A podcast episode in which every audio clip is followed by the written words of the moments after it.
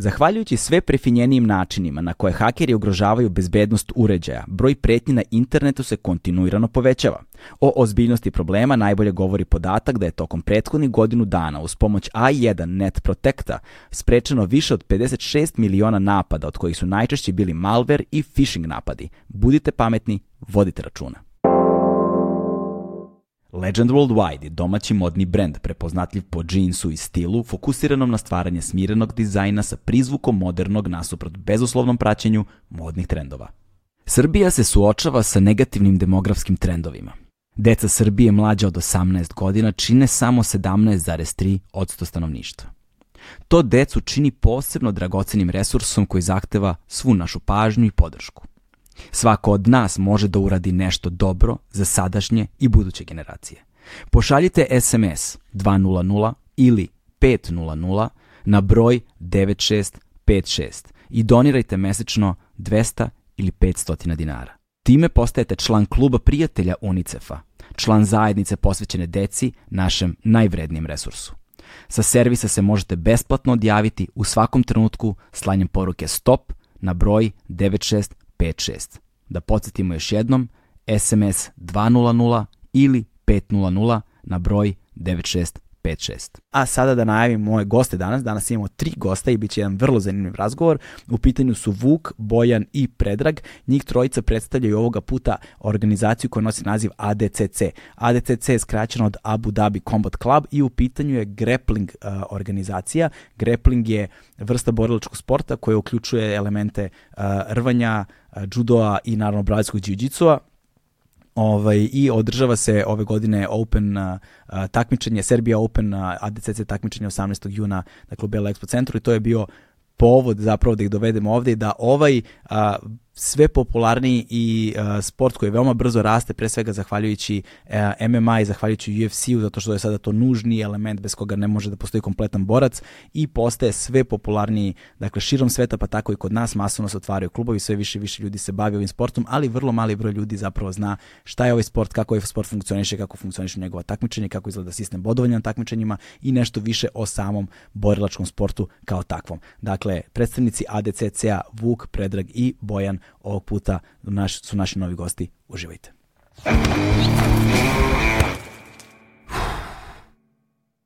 Hmm.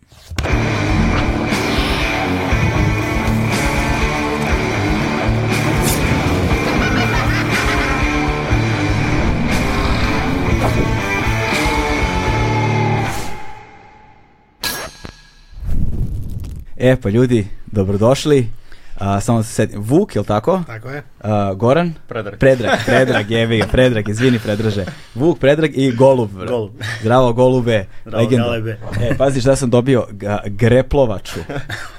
Znači, uh, ko je pe- pekao ovu rakiju? Ja. Ti si rekao, čega je? Kajcije. Kaj si, a? Približi sa, samo mikrofonu. Nadam se da nisam pogrešio, mislim da je Ma kajcije. nisi, pa sad ćemo da vidimo. Daj da sipam jednu pa... Jutro je, brate, nije baš... Hoće žena da ti se ljuti, vuče, evo te. Hoće, naravno, ali da. Evo tebi prvo, evo tebi prvom, brate. O, palac. Da, je. Idemo. Da samo da znaš, ovo se pije ovaj, pred grappling. Jel da, a? E, ja nemam, ja nemam čašu da mi sad ono internet ne zameri, znaš kao, ne znam gde su mi ostale čaše, tako da ću da iskoristim šta imam, vama ću da dam ove normalne. Evo stavimo ovako da se vidi greplovača. Ajde, drugari, uzdravlje, bolje, Ajde. dobro nam došli. Bolje te našli. Ajde, Up. izvolite. Živi, može? Dobro. Jeste kaj sija, Boga. Oh, Dobre, jeste. Dobre. E, ajde sad da počnemo polako, imamo puno toga da pređemo. ovaj, a, ljudi, me, ljudi, ljudi mi stalno zameraju kako nikad nemam sport u svojim podcastima, evo, sportske epizode, ali mislim da nije ono što bi, što, što bi očekivali da bude. Nisu mainstream sportovi, ali to nas i ne zanima. A, dešava se 18. juna, ali tako, a, ADCC, Tako je. Ovaj, e sad ćemo da objasnimo ljudima šta je ADCC i ko ste vi i naš sve je lepo iz početka pošto um, primetio sam u poslednjih recimo nekoliko godina da su takozvani grappling sportovi, jel te, ono pre svega brazilski jiu pa onda i ostalo, dobili značajno na popularnosti. Znaš, počeli su masovno se otvaraju klubovi. Ne, sad ne znam da li je to ono, da li je mene algoritam suzio Znaš, u jednu tačku, pa ja sad samo svuda viđam, samo... Upec, upecao si se. Upecao sam se i sad svuda viđam ili je zaista dobilo na popularnosti? Jeste. Verovatno jedno i drugo. Da. Da? Pa uz MMA, mislim, MMA je pogurao sve to. Pa da, generalno. E, ajde sada da se predstavimo. Prvo, da vas- da vas predstavimo, ajde golube, počnemo sa tobom. Pa ništa, ja sam Bojan Golubović, predsjednik ADC, sa, ADCC Saveza Srbije. Ovaj, pa ništa, eto to, mi smo počeli s to nekom idejom što se tiče ADCC-a pre par godina, ovaj, mi smo preuzeli tu priču od eh, Ćose i Late. Pozdrav za Ovaj, Ćosu. Pozdrav za Ćosu, tako je. Da. Ovaj, eto što kaže on, prepustio mlađima. Mhm. ovaj, I ništa, krenuli smo tako tu neku priču malo, napravili smo neke planove kako ćemo, šta ćemo i krenuli smo da širimo i sad ajde da ne dužim pa ćemo posle o tome, ali generalno postigli smo velike, da kažemo, rezultati, veliki uspeh i na samoj popularizaciji Mhm. kao greplinga, kao, da kažemo kao greplinga, kao jiu i a, samog ADCC brenda u Srbiji. Ok, Vuče?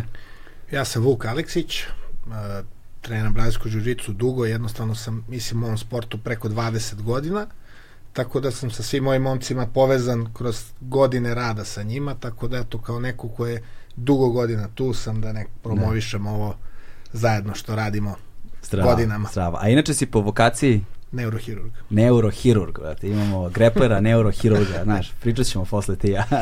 a, a, mlađeni, na, ti si najmlađi u ekipi? Da, da. Da, koji si ti godište? 96. 96. Wow. Ja Nisi sam, najmlađi, dvoje vas je.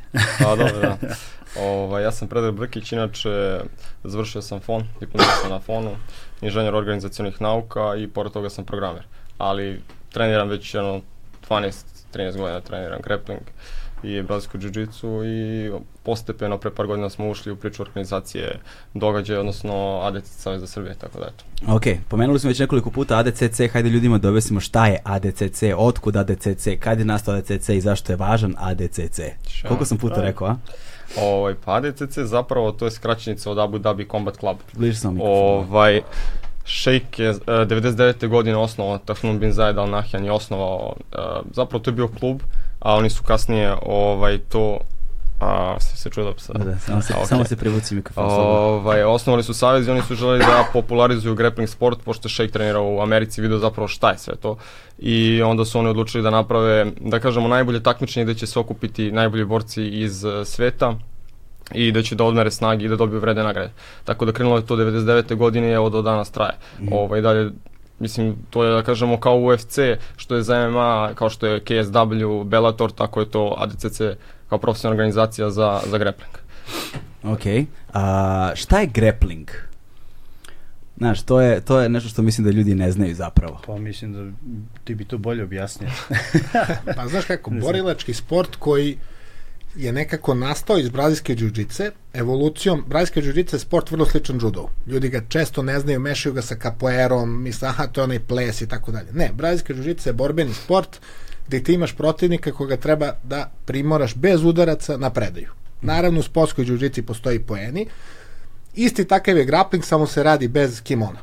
I jednostavno je evoluirao zato što za potrebe MMA kao savremenog gladijatorskog sporta, znači gde su stvarno momci potkovani u svim aspektima borbe, morali su da naprave nešto što će biti još prihvatljivije za MMA, pa je tako iz brazilske džužice nastao grappling, koji je u stvari brazilska džužica bez kimona, koji zbog hvatova za kimono ima izvesne specifičnosti koje ne trebaju za MMA i tako je evoluirao grappling koji je u stvari najsavršeniji rvački sport. Znači sve je dozvoljeno praktično, sve osim udaraca. Naravno nema prljavih poteza, ali jedan savršeni sport gde protivnika treba nataraš na predaju bez udaraca. Tako da je definitivno nešto što je trenutno izvinjam se, mainstream u tom Da. rvačkom grappling sportu. Da, to je sad zanimljivo zato što um, gledajući recimo ovaj UFC, ono, naš godi, godinama, Da. godinama unazad, u početku je ovaj, u početku je striking, odnosno kao udaranje bilo dosta dominantno na najrazličitije moguće načine i onda su se pojavili, koje godine otprilike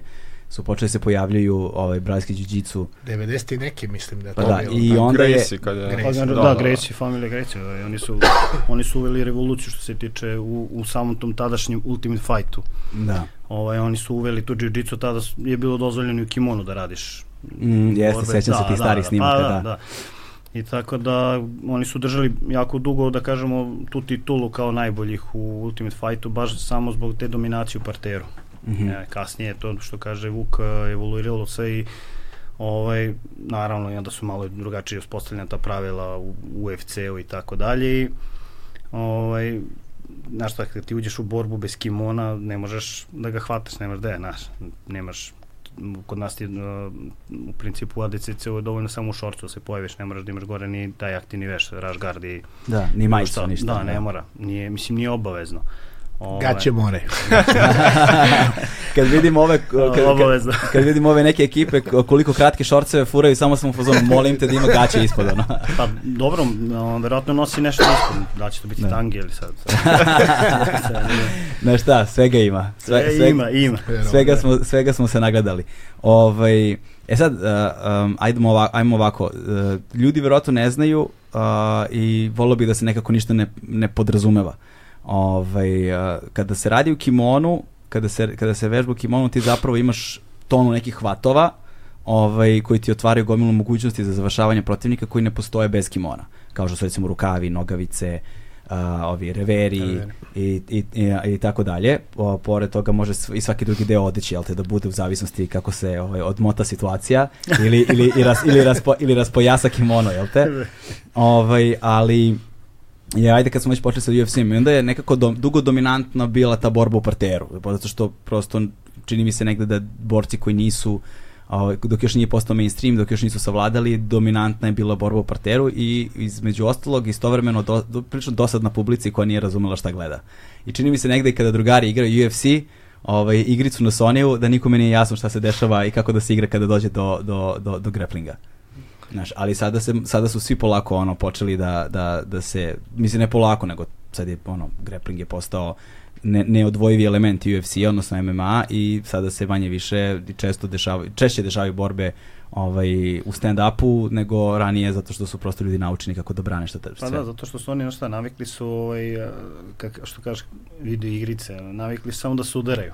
Znaš, to ovaj, treba ljudima i omladini proširiti svest vezano za, za samu džiu-džicu, za samu tu filozofiju i koncept borbe. Ovaj, treba ih upoznati, tako da ovo je idealna stvar da, da se malo taj širi auditorijum uh, upozna sa samom tom materijom. Mm. Često ljudi kad vide ko ne poznaje šta je to, on dođe i gleda šta radovi valjaju se tu, šta mislim, znaš. Ali u stvari, jeste, ali ne, ovo što mislim da, da, da mnogi ljudi ne znaju kad siđeš u taj parter koliko može da se osjetiš nemoćno kad, kad radiš s nekim ko i ole zna, ne mora da bude neki baš ekspert, da bude da. crni pojas, ali dovoljno je da zna da te izoluje, da, da, da te stisne, da ti drži poziciju, da se osjetiš totalno nemoćno. Znači. Da, hajde da govorimo o toj bespomoćnosti, pošto je to meni bio jedan od, jedan od najfascinantnijih osjećanja, ovaj, ja. zapravo kada sam se prvi put susreo sa sportom i negde možda inicijalna ono kapisla kao zašto sam počeo da ga treniram sa željom da savladam upravo baš to osjećanje. Ono, kako je izgledao vaš prvi susret sa grapplingom zapravo? Pa evo, ja ću kažem, ja imam zanimljivu priču. Pre 20 i nešto godina u školi trenirao sam gimnastiku i bio sam dobar u tome. Mislim, dobar. Srpska gimnastika nikad nije bila na nekom zavidnom nivou, ali smo imali dobre pojedinačno gimnastičare koji su bili super. I moj trener je bio Zoran Vranov. To on je čovjek M bio gimnastičar, M difovac, M ekstremno jak sportista, kaskader, neviđen, ima dve svetske titule u kaskaderstvu, znači jedna muškarčina neverovatna. Čekaj, samo sekund, izvini što te prekidam. Ja mislim da ja poznajem Vranova. U stvari znam ga. On je beše samo sekund. On je onaj ludak što je preskakao automobil u pokretu, skakao sa velikih visina. Tako je. I on je bio... rekord u skoku u vodu s 37,5 metara na glavu. Čovjek koji ne može od mišića da ispravi ruke. I udara direktno čelom, pošto ne može da digne ruke skroz gore, čelom udala s 37,5 metara u vodu. Evo ja kao neurohirurg vam kažem sa 37,5 metara udarac u glavu, vodu kao udarac u beton. Čovjek izlazi, pozdravlja publiku, ništa. Mislim, neverovatan čovjek stvarno. Ja sam se zalepio za njega, ne samo da treniram gimnastiku i mi smo sa njim išli iskakali, mislim, ludila smo, pravda, ja sam bio ono nemiran i odem sa njim šta ti kažem, kad padem sa vratila i ovaj, razbijem se kao zvečko, on mi kaže ili idi kući trenere šah ili porobaj ponovo. A ja tresem se, ne smem da stanem ponovo. Tako da je gradio u meni stvarno taj neki borbeni duh i ja prilikom nekog salta padnem i slomim ruku.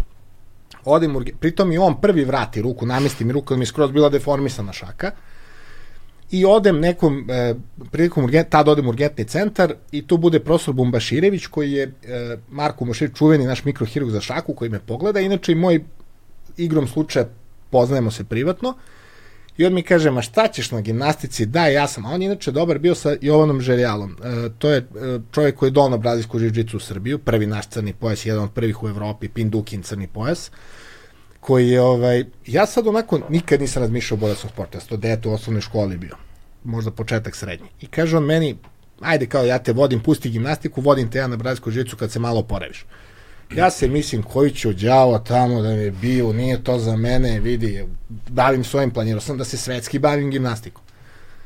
Dolazim prvi trening, rekao, ajde da ga ispoštujem, da odem, da probam, da vidim kako Da. to izgleda, da kažem nije ovo za mene, vraća se ja na gimnastiku. Dolazim ja tamo, popriču, spreman i pored povrede ja sam trenirao, stvarno sam bio razgiban, jako, gimnastičari su stvarno jaki momci, radio sam ono, tu basic snagu, jedan prema jedan se to zove osnovna snaga. Neko dete od 12 godina kad me dovatio malo, pa ja nisam mogao da verujem, tri put manji od mene, isto neko dete, ali već sam ja bio stariji od njega 4-5 godina. Zavrte me u, ko u perecu.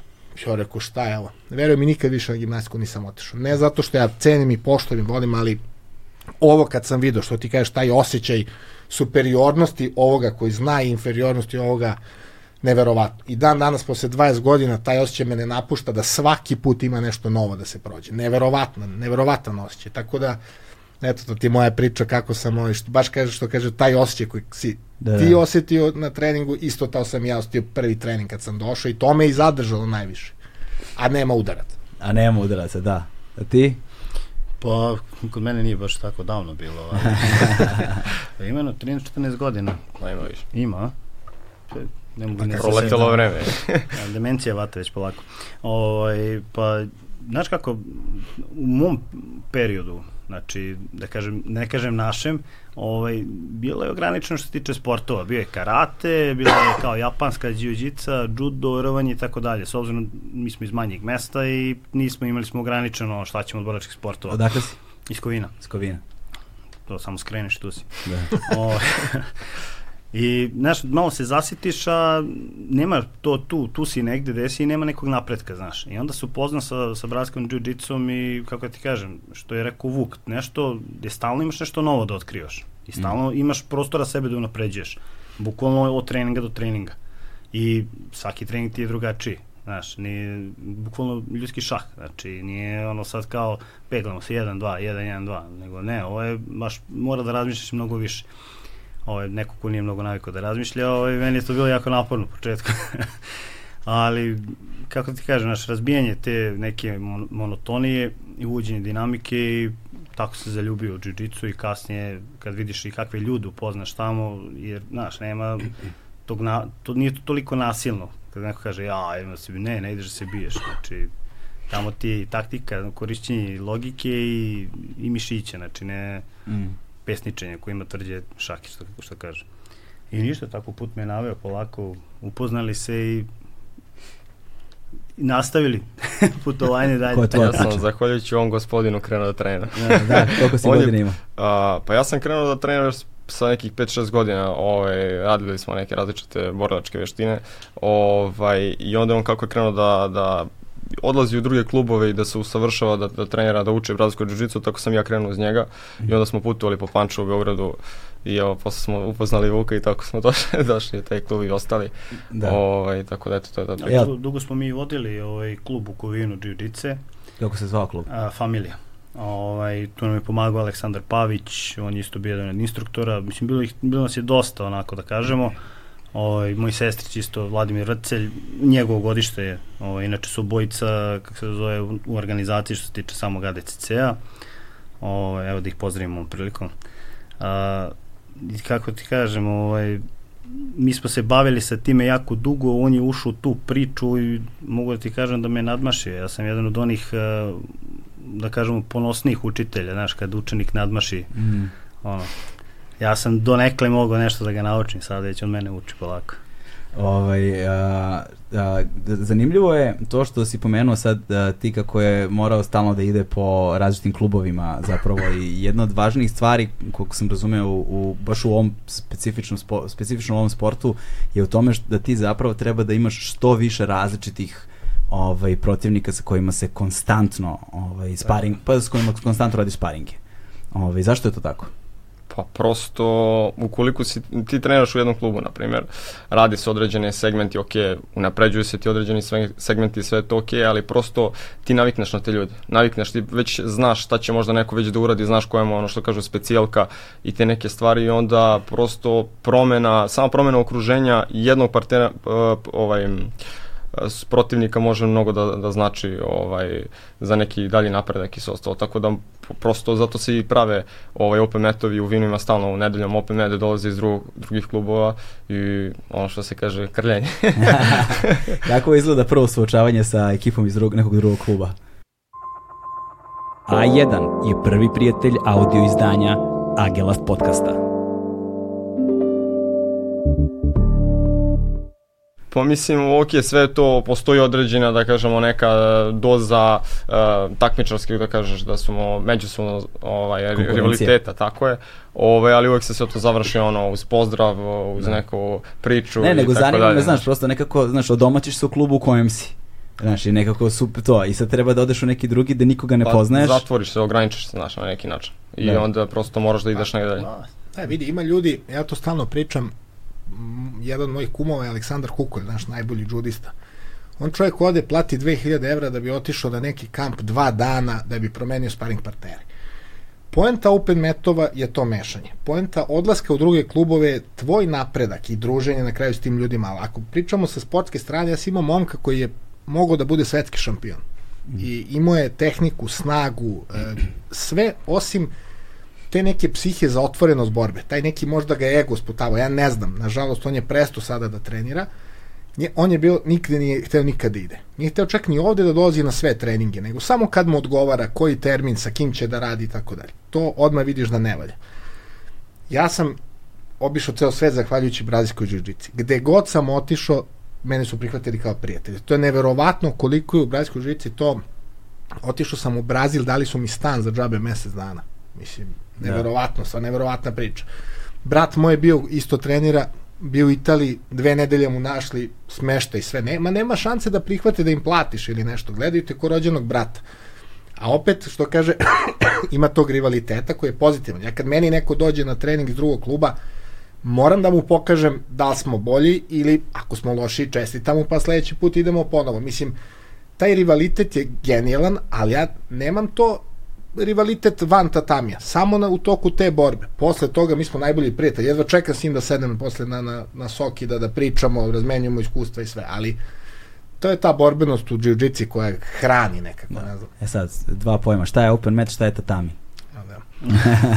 Znaš, ovde se ništa ne podrazumeva, prosto da. mislim da moramo da prođemo abecedu celokupno. Tatami borilište, uh mhm. -huh. mesto borbe, a open mat je uh, termin gde ne mora da bude za jedan klub, nego je besplatan trening i svih kluba, kogod hoće da dođe zajedno da treniramo u tom trenutku, dobro A manje došao. više svi klubovi zapravo imaju dan tako. kada im je open mat. Tako je. Ono, kada su vrata otvorena za sve. Da, da, da. To, a, gde, gde vi trenirate sada?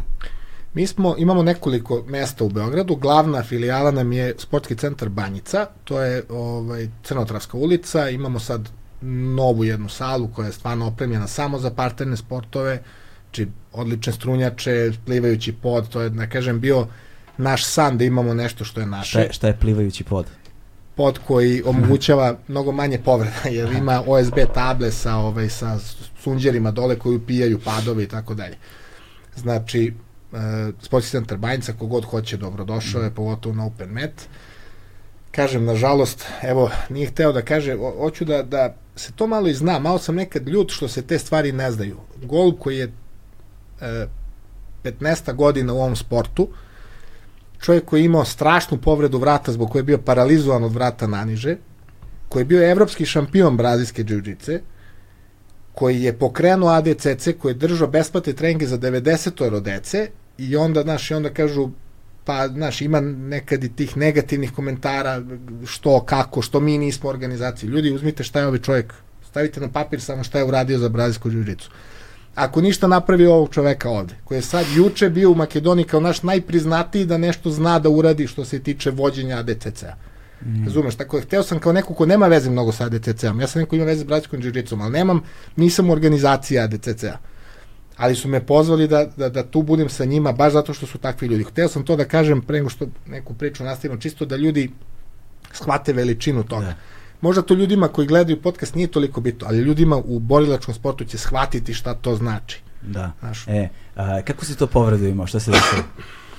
Pa imali smo isto tako neki kao... Kada je to bilo? 2016. 18. jula.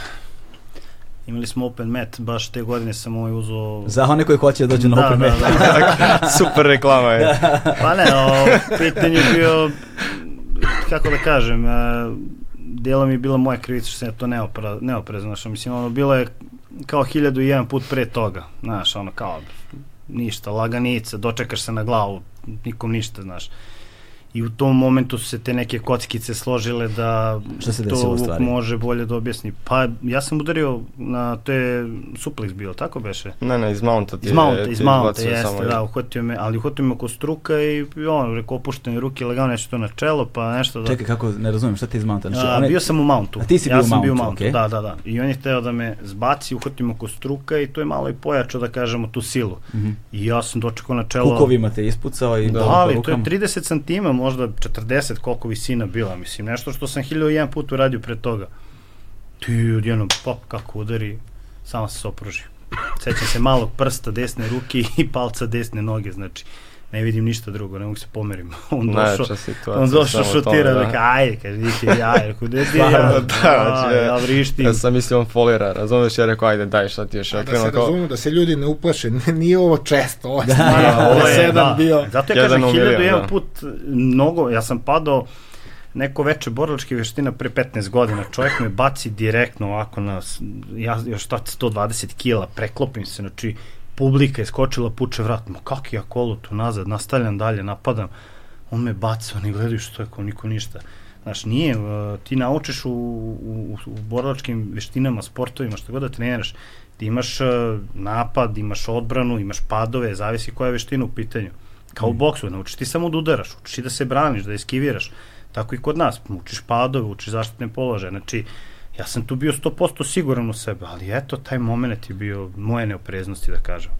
Da, i ovaj, reče mi on da si, mu, da si ga ti spasio, je li tako? Pa, ja sam ga lečio, spasio ga je Bog, ali... ovaj...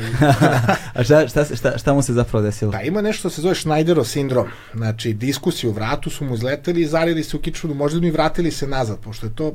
Diskusi su eh, hrskavice između pršćanskih tela, koja amortizuje pokrete. Kod nekog sprega sila kakav se njemu dogodio, što je stvarno neverovatno. Takva povreda se događa pri teškim saobraćajnom traumatizmu, pri ozbiljnim padovima sa visine sa zgrade. Njemu se jednostavno spreg sila tako namestio da su oni iskočili, udarili u kičmenu moždinu i srećom vratili se skroz unazad. U tom trenutku kičmena moždina, to se zove komocija kičmene moždine, kao potres mozga, samo potres kičmene moždine. Mm -hmm. Srećom dobro je prošlo, hvala Bogu, sada ne davimo s te strane, ali hoću da, da kažem, e, znači, ja sam kada je počinjao MMA u Srbiji, ja sam trenirao i MMA na početku, kada je to bilo mnogo drugačije nego sada, nije bilo ovako organizovano, nego smo po nekim podrumima radili i tako dalje. Znam, kako, znam me... kako, izgleda, kako izgledala Ćosina favela. E, da, Znaš, to, to, to. to. da. Ove, e, tada nije bio dozvoljen MMA u Srbiji. Znači, bio je zakonski zabranjen Stvarno? I, da. Nisam znao to. Kad je to bilo? I, ovaj, to je bilo pre par godina. Bila je ovaj, jedna tribina na kojoj je čak gostovao i Rođa, koji je sada predsednik da. MMA Saveza. Ja sam držao tu predavanje o e, tome koliki je stepen povreda u MMA, brazilskoj džici, rvanju, judu. Recimo, nauka je dokazala statistički, a zakon velikih brojeva je neumoljiv, da su mnogo veće i češće povrede u automobilizmu, jahanju, košarci i futbalu, gde nema kontrolisanih pokreta. U onom duelu skoku za loptu, kad se sudare glavama, koliko puta ste videli samo ostane jedan da leži.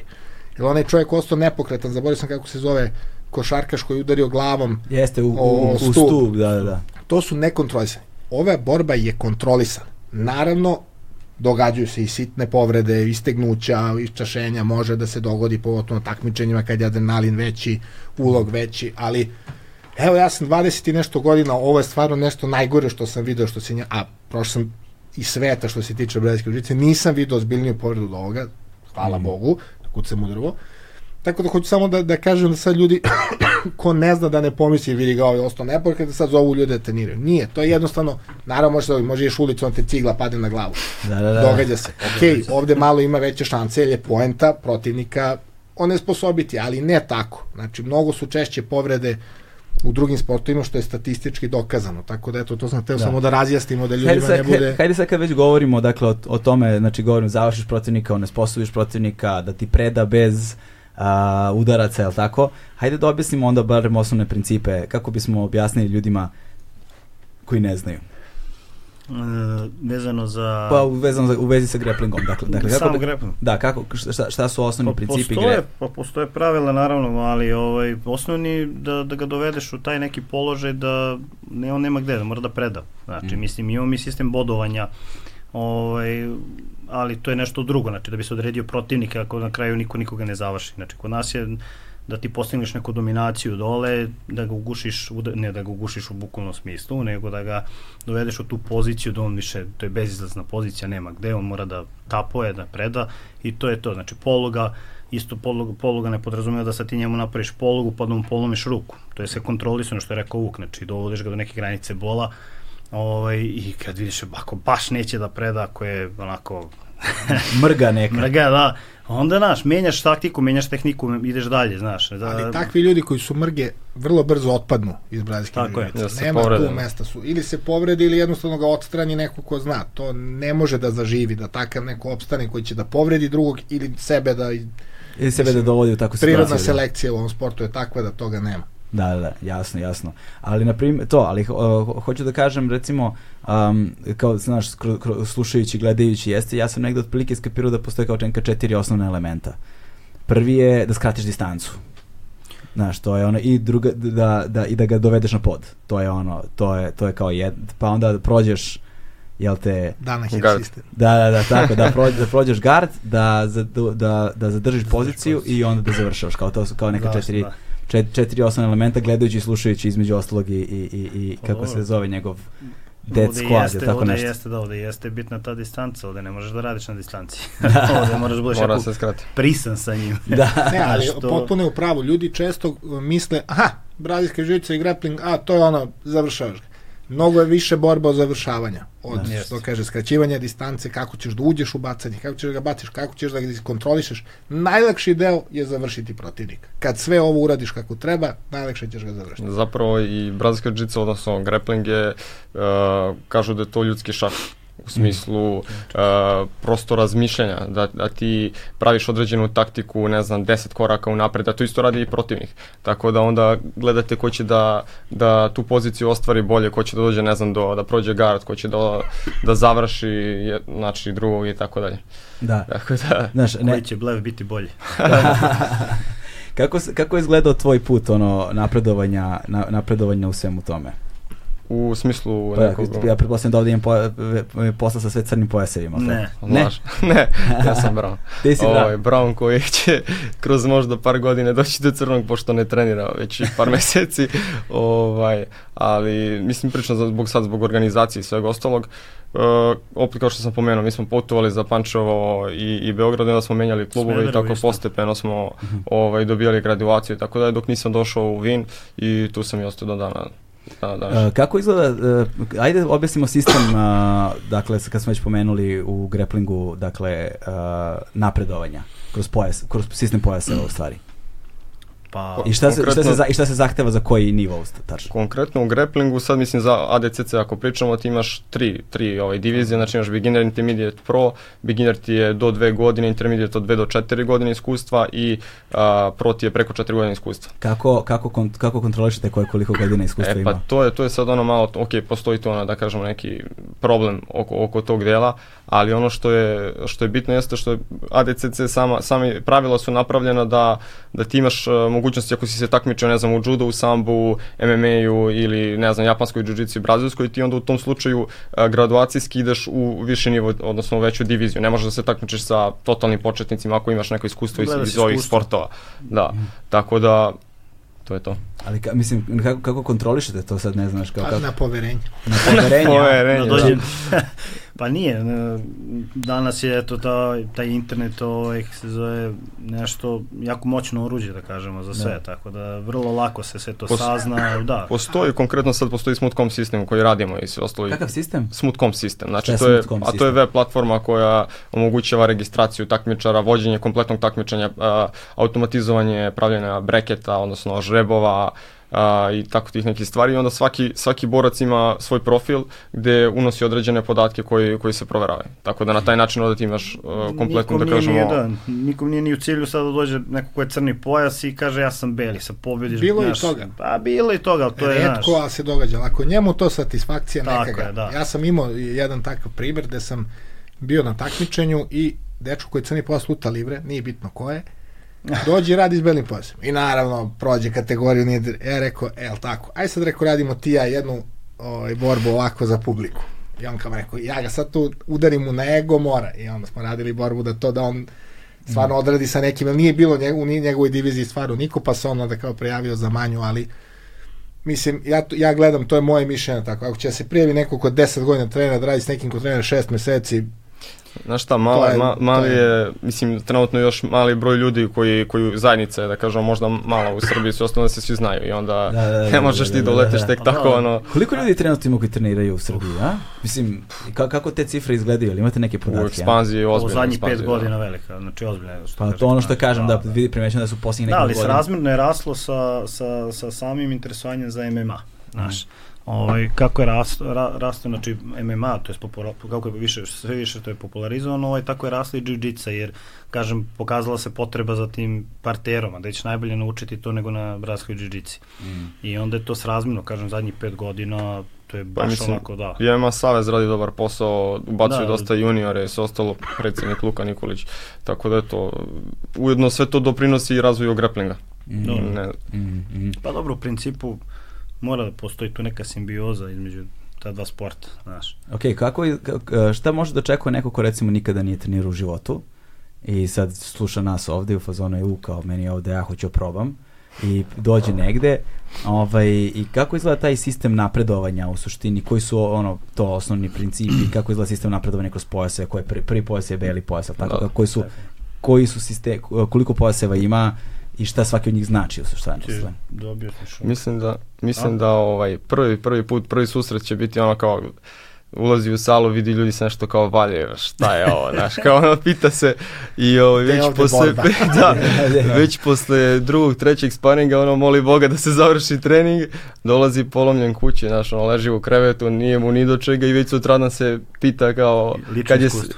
da, da, da, da, lično iskustvo, To- iskreno to je moje ono prvo iskustvo, kad sam završio taj trening uh, brazilske jiu da sam doš, došao kući ono totalno izmoren, polomljen, sve me boli i sutra sam ustao i ono kao sledeće razmišljanje kaj je sledeći trening. Da, da, da, da. Upe, upecaš se. Ja kažem uvijek da. momcima koji dođu na prvi trening kod mene, ja im kažem, on mi pita pa šta da radim, ja rekao pokušaj da preživiš.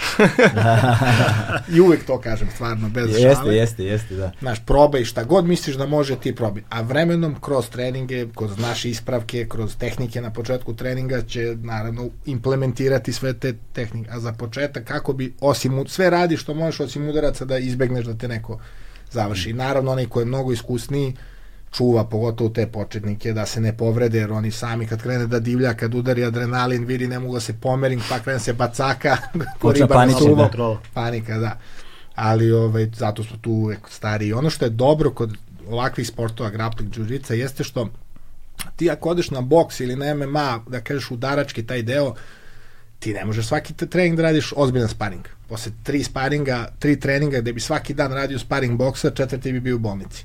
Da. Da. Evo ja sam 20 i nešto godina u ome, nema treninga da se ne rade borbe sa 100%. Da. Znači nema to. I zato brzo napreduje. Znaš, ti dođeš šest meseci treniraš neko s ulice ko dođe, ti ćeš ga sigurno razbiti ako ne zna ništa. Da, da, sigurno da, da. ćeš biti superiorniji tehnički, jer se, e, kad si u stvarnoj situaciji da ti, da, ne mogu kažem, život zavisi, ali u tom trenutku ili predaš ili si izgubio borbu, znači ti moraš da napreduješ mnogo brže nego kada bi samo udarao džak. Da, da. Jeste, to je, uh, uh, kažem, iskustvo koje je meni bilo značajno, jeste baš taj prvi. Jer recimo, uh, išao sam ranije nešto kao na boks, pa sam, ne znam, išao na Muay Thai i tako dalje. Ovaj, I, znaš, sparinzi su za, najlepši deo treninga u suštini, znaš, ono, da se ne zajebavamo. Znaš, Svi uvek čekamo da, svi, da, če, čeka, ce, čekaš ceo trening se završi, razumeš da bi odradio te runde na kraju. Ovaj, ali postoji uh, naravno element rizika naš, u, spa, u udaračkim sportovima i sparing se uči. Znaš, na ono, ta, tačno znaš kad radiš neki ime, znaš, ne ume da dozira udarac, ne ume da kontroliš udarac, ne ume da čuva energiju, ne ume, znaš, ta vrsta panike, to izgleda sasvim drugačije. Ovaj, ali nikada nisam osetio, kako bih rekao, ovaj, nikada nisam osetio to što sam osetio kada sam prvi put došao na gleping. Zapravo sam ja, zapravo sam ja povredio nešto stopala bio i bio ono, ne mogu da ne mogu da vežbam, ja sam bio fazon, ajde samo stavi zaboje, obi čarape, dođe vamo. Ovaj, I onda sam probao i to što si ti rekao, tvoje prvo iskustvo. Dakle, um, osetio sam bespomoćnost kako nikad nisam osetio, ali ne samo bespomoćnost, još dve stvari sam osetio. Imao sam napad panike i klaustrofobični napad sam imao. Negde otprilike možda su to dve iste stvari. Uh, Sad, e, znači, kako nekome objasniti zapravo da je klaustrofobija o, potpuno realna emocija koju osjeti... I, i, na otvorenom. I na, i, na, i, na, I na otvorenom, u osvetljenoj sali, razumeš, belo i celo. Pogotovo ako je lego čovjek od 100 kila preko tebe, ono, da, u sajt. Ako je već belo, onda si već... da, ali to je, ali to je još, ali to je, ali to je sad još zanimljiva stvar, znaš, dođe čovjek od 50 kila koji lega na tebe i imaš osjećaj kod da je 150 kila. Znaš, kao da zapravo postoji tehnika načina na koji vrše pritisak i to je jedna stvar koja čini mi se negde, kao i svi brojni drugi sportovi imaju sigurno ovaj, aspekte koji ne mogu, koje kamera ne može da prenese. Znaš, kada gledaš borbu ili kada uh, jednostavno ne možeš da shvatiš šta znači kad neko ko je dovoljno jak i ko je dovoljno spreman i ko dovoljno ume te uhvati, znaš, i stegne. To je, znaš, ne znam, ka, ne znam kako se, kako se prosto to definiše. Pa evo, mislim da si sam definisio to ću sad da kradim kad ja budem pričao. Da. Kamera ne može da uhvati, to yes. mora da se proba. Ti da. moraš da osetiš kad ti neko stvarno ko zna, što kaže 45-50 kila da ima, ako zna da drži poziciju, ma koliko god da si jak, ako ne znaš način da izađeš, pa evo ti pogledaj taj prvi UFC gde je radio Helio Gracie, znači e, ovaj uh, Royce. Royce Gracie, gde ga je Helio Gracie njegov otac poslao svog najmanjeg i najslabijeg sina u UFC, odnosno Ultimate Fighting Championship kao organizaciju koja promoviše da je sve dozvoljeno, da bez zadatog udarca osvoji, ne znam, 10-11 borba za prva dva UFC-a i da, da, i ti sad gledaš on koji je 60-70 kila, nema ni toliko, mislim, u tom trenutku, u kimonu, onako još manje izgleda, dobija ljude koji su dolazili iz Koreje, iz ogromni ljudi, nagruvani dolaze, a bukvalno vidiš kako ih svede u parter i sada kad znamo šta radi, on ništa u tom trenutku nije radio osim fiksaciju u nekim borbama. Ljudi su panično predavali. Ima onaj u onim gaćicama, vidi, 180 kila mišića ima. Ovaj ga bacio, ušao mu u mount poziciju, to je dominantna pozicija od ozgo. Ovo je tapko, nije znao šta se događa. Iz straha, to ti je dokaz da nije mm. sve u, u, u To je ono što si pričao snazi. na početku kako je zapravo došlo do razvoja grapplinga i brazilske džidice. Jesu ljudi skapirali da dolazi tip od 50 kg i završava sve redom, a možete ne koristi udaračke tehnike. Znači, mm. on možda drži ovaj, distancu i ostalo i onda su prosto ljudi interesovali da šta je to, na koji način neko dolazi do, do, do pove. Tako ja da, sam tako imao taj da. primjer na, na, na IBJJF u Rimu. Kako beše, Jamal Bali, tako da, nešto da. Šta je IBJJF? Uh, da, pa Internacionalna Brazilian Jiu-Jitsu federacija. Ok. Ovaj, bilo to baš evropsko prvenstvo u Rimu i radili smo nogi. Čovjek preko... No, nogi je bez kimona. Bez da. kimona, da. Grappling. Da, oko 130 kg, znači, mišića. Uh, pet godina neporažen bio u, u rvanju reprezentativac, rvač, nema vrat, znači, znaš kakav je spojeno ovako sve. Dve godine peglu plavim pojasevima, davi sve redom, znači ali realno tehnički nije on, sada da kažem, on jeste dugo to, u, u toj materiji bio, ali realno tehnički nije, nije bio no, plavi pojas i to je to. I mi radimo i eto, cijela naša borba se svela na to da on juri na mene, juri noge, ja izbegavam, bežim 3-4 puta i peti put je upao u gilju koja je trajala ni sekundu. Znači ja sam mnogo dobro provukao, pap, lepo ga stiso i samo sam se digao na prste, znači ustao sam gore skroz. Uje, da. sa svojih 102 kile, sa njega, sa njegovih 130, svako, kako sam ga hotio, kako sam ga preneo, digao sam u nogi od, e, možda i nije bio, bilo bola ili ne znam čega, ali on je što ti kažeš panično, odmah, ja nisam mogu da verujem što se dešava. Ne, ne zna on šta mu se dešava. nisam ni ja znao šta se njemu dešava. Gledaju čovjek, rekao šta je. Da, da, da, da. Vidi, s obzirom da ga je vuklo 120 kila na vrat. Njegovih sopstvenih. sopstvenih, Ja, ja ne znam ko se više iznenadio, da, da li on, zato što je baš dobro upalo i dobro sam ga ovaj, stegao, znači baš je ono, tehnički maksimalno ispoštovano sve, ali, znaš, to u borbi ti ne možeš toliko ni da, da, da, da razmišljaš o tome, ja sam gađao to, ali Mhm. je upako ga, on se iznenadio, ja se iznenadio još više. Kad kad je ovaj rekao, okej, okay, rekao, Ovaj, na samom AD, a- ADCC, dakle koji se dešava 18. a, koliko imate prijavljenih takmičara do sada? Trenutno 150, očekujemo 500. Očekujete oko 500, šta Da, da, kasno da. se prijavljuju, Pa jeli? svi čekaju posljednjih ono nedelju dana, to je ono standardna priča za sve. Evo prošle godine kada smo organizovali, kada smo borili rekord u Srbiji po broju prijavljenih takmičara, mi smo za, recimo, ajde, ne znam, dan, dva, mi smo imali 150 prijava. I mi smo bukvalno, nama je kapacitet bio zbog uh, mera oko covid i svega ostalog, uh, bio nam je ograničen kapacitet. I mi samo odjednom ustajemo ujutru, upalimo onaj smooth comp, otvorim prijava, ono 150 prijava, šta ćemo da radimo, zatvaramo, ono. Mm. Bukvalno smo morali da bl- blokiramo prijave pre onog uh, deadline odnosno pre tog nekog uh, krajnjeg datuma, tako da eto. Aha, dobro. Dakle, oko 500 greplera očekujete 18. uh, i po kom sistemu takmičenje funkcioniše? Pa mislim, us, generalno, uh, ok, pa ništa, ovaj... Sve traje jedan dan. Da, da, da, sve u jedan dan na 7 tatamija i nema stajanja, idu kao na traci. Sa, ako se povredi, samo se izbacuje dalje i to je to.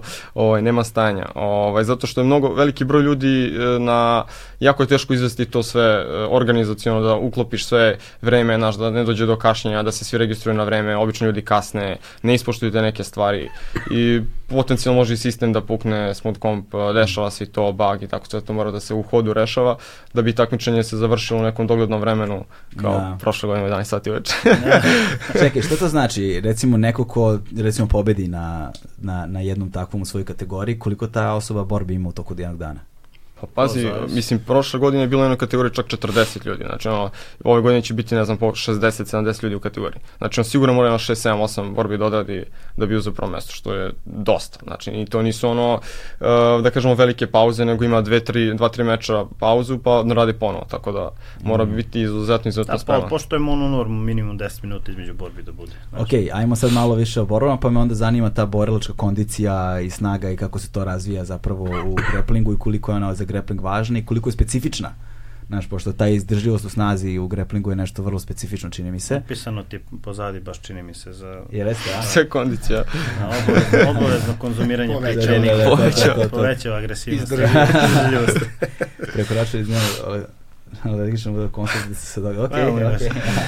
Imam doktora za konsultaciju. si, ostaje broj telefona. Pročitaću, pročitaću posle ovaj. Um, Dakle, kako, se, kako, kako izgleda sistem bodovanja u, u grapplingu? Kako to je? Znači, neko ko dođe i sada ne zna ništa, gleda šta se na koji način boduje, koliko mečevi traju, kako to izgleda? Da, pa pazi, e, sad konkretno ima različite pozicije koje se različito boduju, ono kao i svakoj federaciji.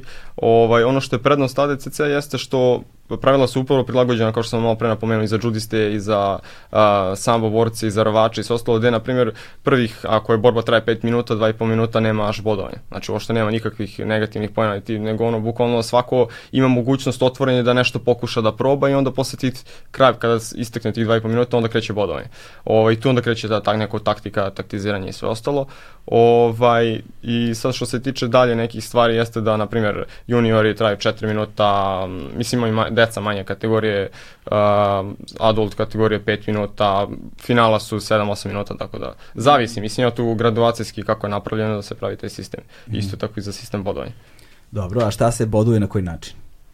Pa mislim, boduju se bacanja, boduju se prolazi garda, koliko, koliko bo, bacanja bodova? Imam rulebook. i vadi rulebook. Ovo, ja iskreno da ti budem nisam sudio, tako da A, nemam pojma. dobro, dobro, dobro. Ovaj, mislim da je 2-3 pojena je za bacanje, za prolaz garda isto 2 pojena, za mount ili za leđa 4 pojena, tako da sad će go, bol, Šta to vadiš? Pa ima ovaj, kako se zove, generalno, uh, ne, sad ću, izvinjavam se. E, vadim nešto. Ajde da vidimo šta je to. Vadi nešto ispod stola. Da. Ok. Aha, ovo je knjiga pravila, a, ADCC, rulebook. ADCC knjiga pravila. Kod nas, da, kod nas je za kompletan sudijski kadar, ovaj, obuku i vođenje tog sudijskog kadra, Aleksandar Pavić zadužen. Mm -hmm. Ovaj, on je najviše upoznat sa tom materijom. Mislim, svi mi imamo licence ovaj, za, za, tre, za bože, trenere, za Suđenje. sudije, tako je da, da sudimo, ali u principu, eto, u organizaciji svako ima svoje mesto i on nam je tu najglavniji sad. Mm -hmm. On trenutno nije sa nama, ali kažem, on bi to mogao najbolje iz prve ruke da objasni. Zato Aha. smo napravili ovo, to je Peđa je to dizajnirao, odradio. U, čoveče, koliko ovde stvari ima. Jeste. Mi smo tu pojasnili. Ima dosta, to, da. znaš, nije to sam, jeste, mislim, možda deluje kao da je kompleksno, možda i nije toliko. Mi. ali, ti reći nije jednostavno. da, ima što si ono, piše. Da, kaže, kaže, evo, koleno na stomaku 2 poena, mount pozicija 2 poena, uh, bacanje uh, koje završava u polugardu ili gardu 2 poena, čišćenja uh, koje završavaju u polugardu ili gardu isto 2 poena, uh, 3 poena prolazak garda je 3 poena i back mount, a? Sa, u, znači le, leđa sa kukama da, da, da. je, je 3 poena i 4 poena, o, to je čist, čist, ovaj, čisto bacanje koje se završava prolaskom garda 4 poena i čisto čišćenje koje se završava prolaskom garda 4 poena, dobro. Ove, ovaj, ali ovde sam video da imaju ilegalne tehnike, kao ceo spisak ilegalnih Boga tehnika. Mi, ima ih dosta. A? ima ih dosta. Ovaj, i šta... Ali nema, nema ni toku, zapravo u professional kategoriji nije dozvoljeno dosta toga, na primjer heel hookovi i ostalo što se radi dozvoljeno, ovaj, dok u tim nekim beginner i junior kategorijama to nije dozvoljeno. Tu, da, znači, da, da, e sad objasni šta su heel hookovi zašto su u beginner varijantima, početničkim varijantama zabranjeni. Pa zapravo, pa to možda Vuk najbolje da objasni zašto je heel hook a, najveći, zašto je toki problematika oko toga, zato što... A, a to i crucifix isto je, ovaj... to su tehnike, sam heel hook znači poluga na peti. U stvari je dosta poluga koja se prenosi na koleno. Zbog toga što je spada u te tehnike koje e, ne rade do jednog trenutka dok kad rade već je kasno nastaje povreda i onda je potrebno da borac bude nešto iskusniji da bi znao da prepozna koliko, znači taj period od pojave bola do trenutka kad imaš da predaš, što mi kažemo tapneš, će nešto kraći nego kod drugih nekih tehnika. To se nekako iskristalisalo vremenom. Mnogi to ne koriste na treninzima, odnosno imaš klubove gde je zabranjeno raditi heel hookove uopšte na treningu imaš negde da ljudi smatruju pa to je legalna tehnika što ne bismo nju radili. E sad to je da kažem pomodarstvo, kako će, šta će ko da prihvati, ali ovaj, jednostavno zbog toga što, ajde da kažem, nešto je veći procenat povreda bio, onda kod ovih manje iskusnih boraca jednostavno je zabranjena tehnika. I neke tehnike koje su zabranjene zbog toga što ukoliko bi radile, mogli bi da dovedu do ozbiljnijih povreda. Koleno da povrediš jeste strašno, nije strašno. Ako povrediš vratnu kičmu ili kičmu, na primjer, može ozbiljna stvar da bude problem. Tako da su te poluge na vratu, ti neki krenkovi i to, to je zabranjeno. Opet, kažem, zavisno od toga ko radi. Ko radi beginner koji ima dve godine iskustva i neko ko je advanced ima 20 godina iskustva, nije isto. Da, da. Tako da su, eto, tu su kategorizovali da bi svako bio zadovoljan. Treba. Jer imaš ljude koji su ozbiljni borci koji baš na heel hookovima baziraju svoju igru. Jer je mm. to brza, jaka, efikasna tehnika nekome jako leži i ne možeš je zabraniti za iskusne borce. A opet u nižim, kad dođe vreme radit ćete za sad bez njih. I eto, to je ta neka gradacija koja se napravila iz tog razloga. Ali u suštini, sad je sve to uz dobrog sudiju prilagođeno da mislim da i, na, i da može i na manjim kategorijama, odnosno da kažem, da. to je manje čini mi se, se čini mi se da su Ameri i internet ovaj doneli taj ono uh, leg locking game ono znači pa da, čini mi se da čini mi se da nije bio prisutan toliko dok se nije pojavio baš Danaher ono, sa Tako svojom je. ekipom, oni su bili specijalisti samo za noge. Tako je, pa znaš kako oni gledaju sa stanovišta nogi su 50% tela, a ja kao neko ko eto radi 20 godina ovo iskreno mogu da kažem taj new school je dosta prebacio fokus izvinjam se i na to Ove, ja kad sam počinio to je postala jedna poluga na nozi i to je to koja dalje od toga nije postojalo Naravno, sistem se razvija i to treba prihvatiti. To ne znači da je ova basic žiu će uvek raditi i uvek biti popularna. Ti imaš jednog Rodgera Gracie-a koji je neprikosnovan 11 puta ili 10 puta svetski šampion koji radi, bacite, dođete u mount i zadavite na najosnovniju tehniku. I najbolji ikada, greatest of all time. Da. Imaš jedno koji se pojavi u Danaherovom i sad kažu samo taj Danaherov sistem je dobar zato što imaju jedno koji je trenutno neprikosnoven. Nije to tačno. Gordon Ryan. Gordon ne? Ryan, mm -hmm. tako je, bravo. Znači, ali nije to tačno. Ti imaš i druge škole koje rade. Gordon Ryan dok nije porasto 30 kila nije bio najbolji. Sad kad je i na, Mora i snaga. ove, hm? Mora i snaga. Mora i snaga. Šalu na stranu, stvarno imaju odličan taj leg lock sistem i game, ali ja nisam, ne mislim da je samo taj njihov sistem efikasan, nego jednostavno popularan, jer ima par dobrih boraca. To ne znači da druge škole ne rade dobro, koji imaju svoje sisteme, kopiraju njegov, razvijaju svoju, tako da oni su dosta promovisani, ali daleko od toga da je to jedino što, što valja. Znaš, što kaže, ako ti nekog daviš rukom i uhvatiš ga za vrat i udariš ga, ako to tebi prođe, to je super tehnika, znaš. Da, da, to je, to, je- to je još jedna stvar u grapplingu koja je, za- koja, je, koja je dosta zahvalna, zato što je jedan od redkih borilačkih sportova gde ono, uh, do određene kategorije većeg i težeg i jačeg protivnika možeš da savladaš. Što, ne, što za udaračke sportove baš i ne može da se kaže. Jeste, jeste. Znaš. Pa, Apsolutno. u Tuzli je baš bilo 2017. godine na DCC, ali tako bilo? 2017. ili 18. Kad je bilo? Ne znam što konkretno misliš. A, kad je ovaj apsolutno pobedio Benju.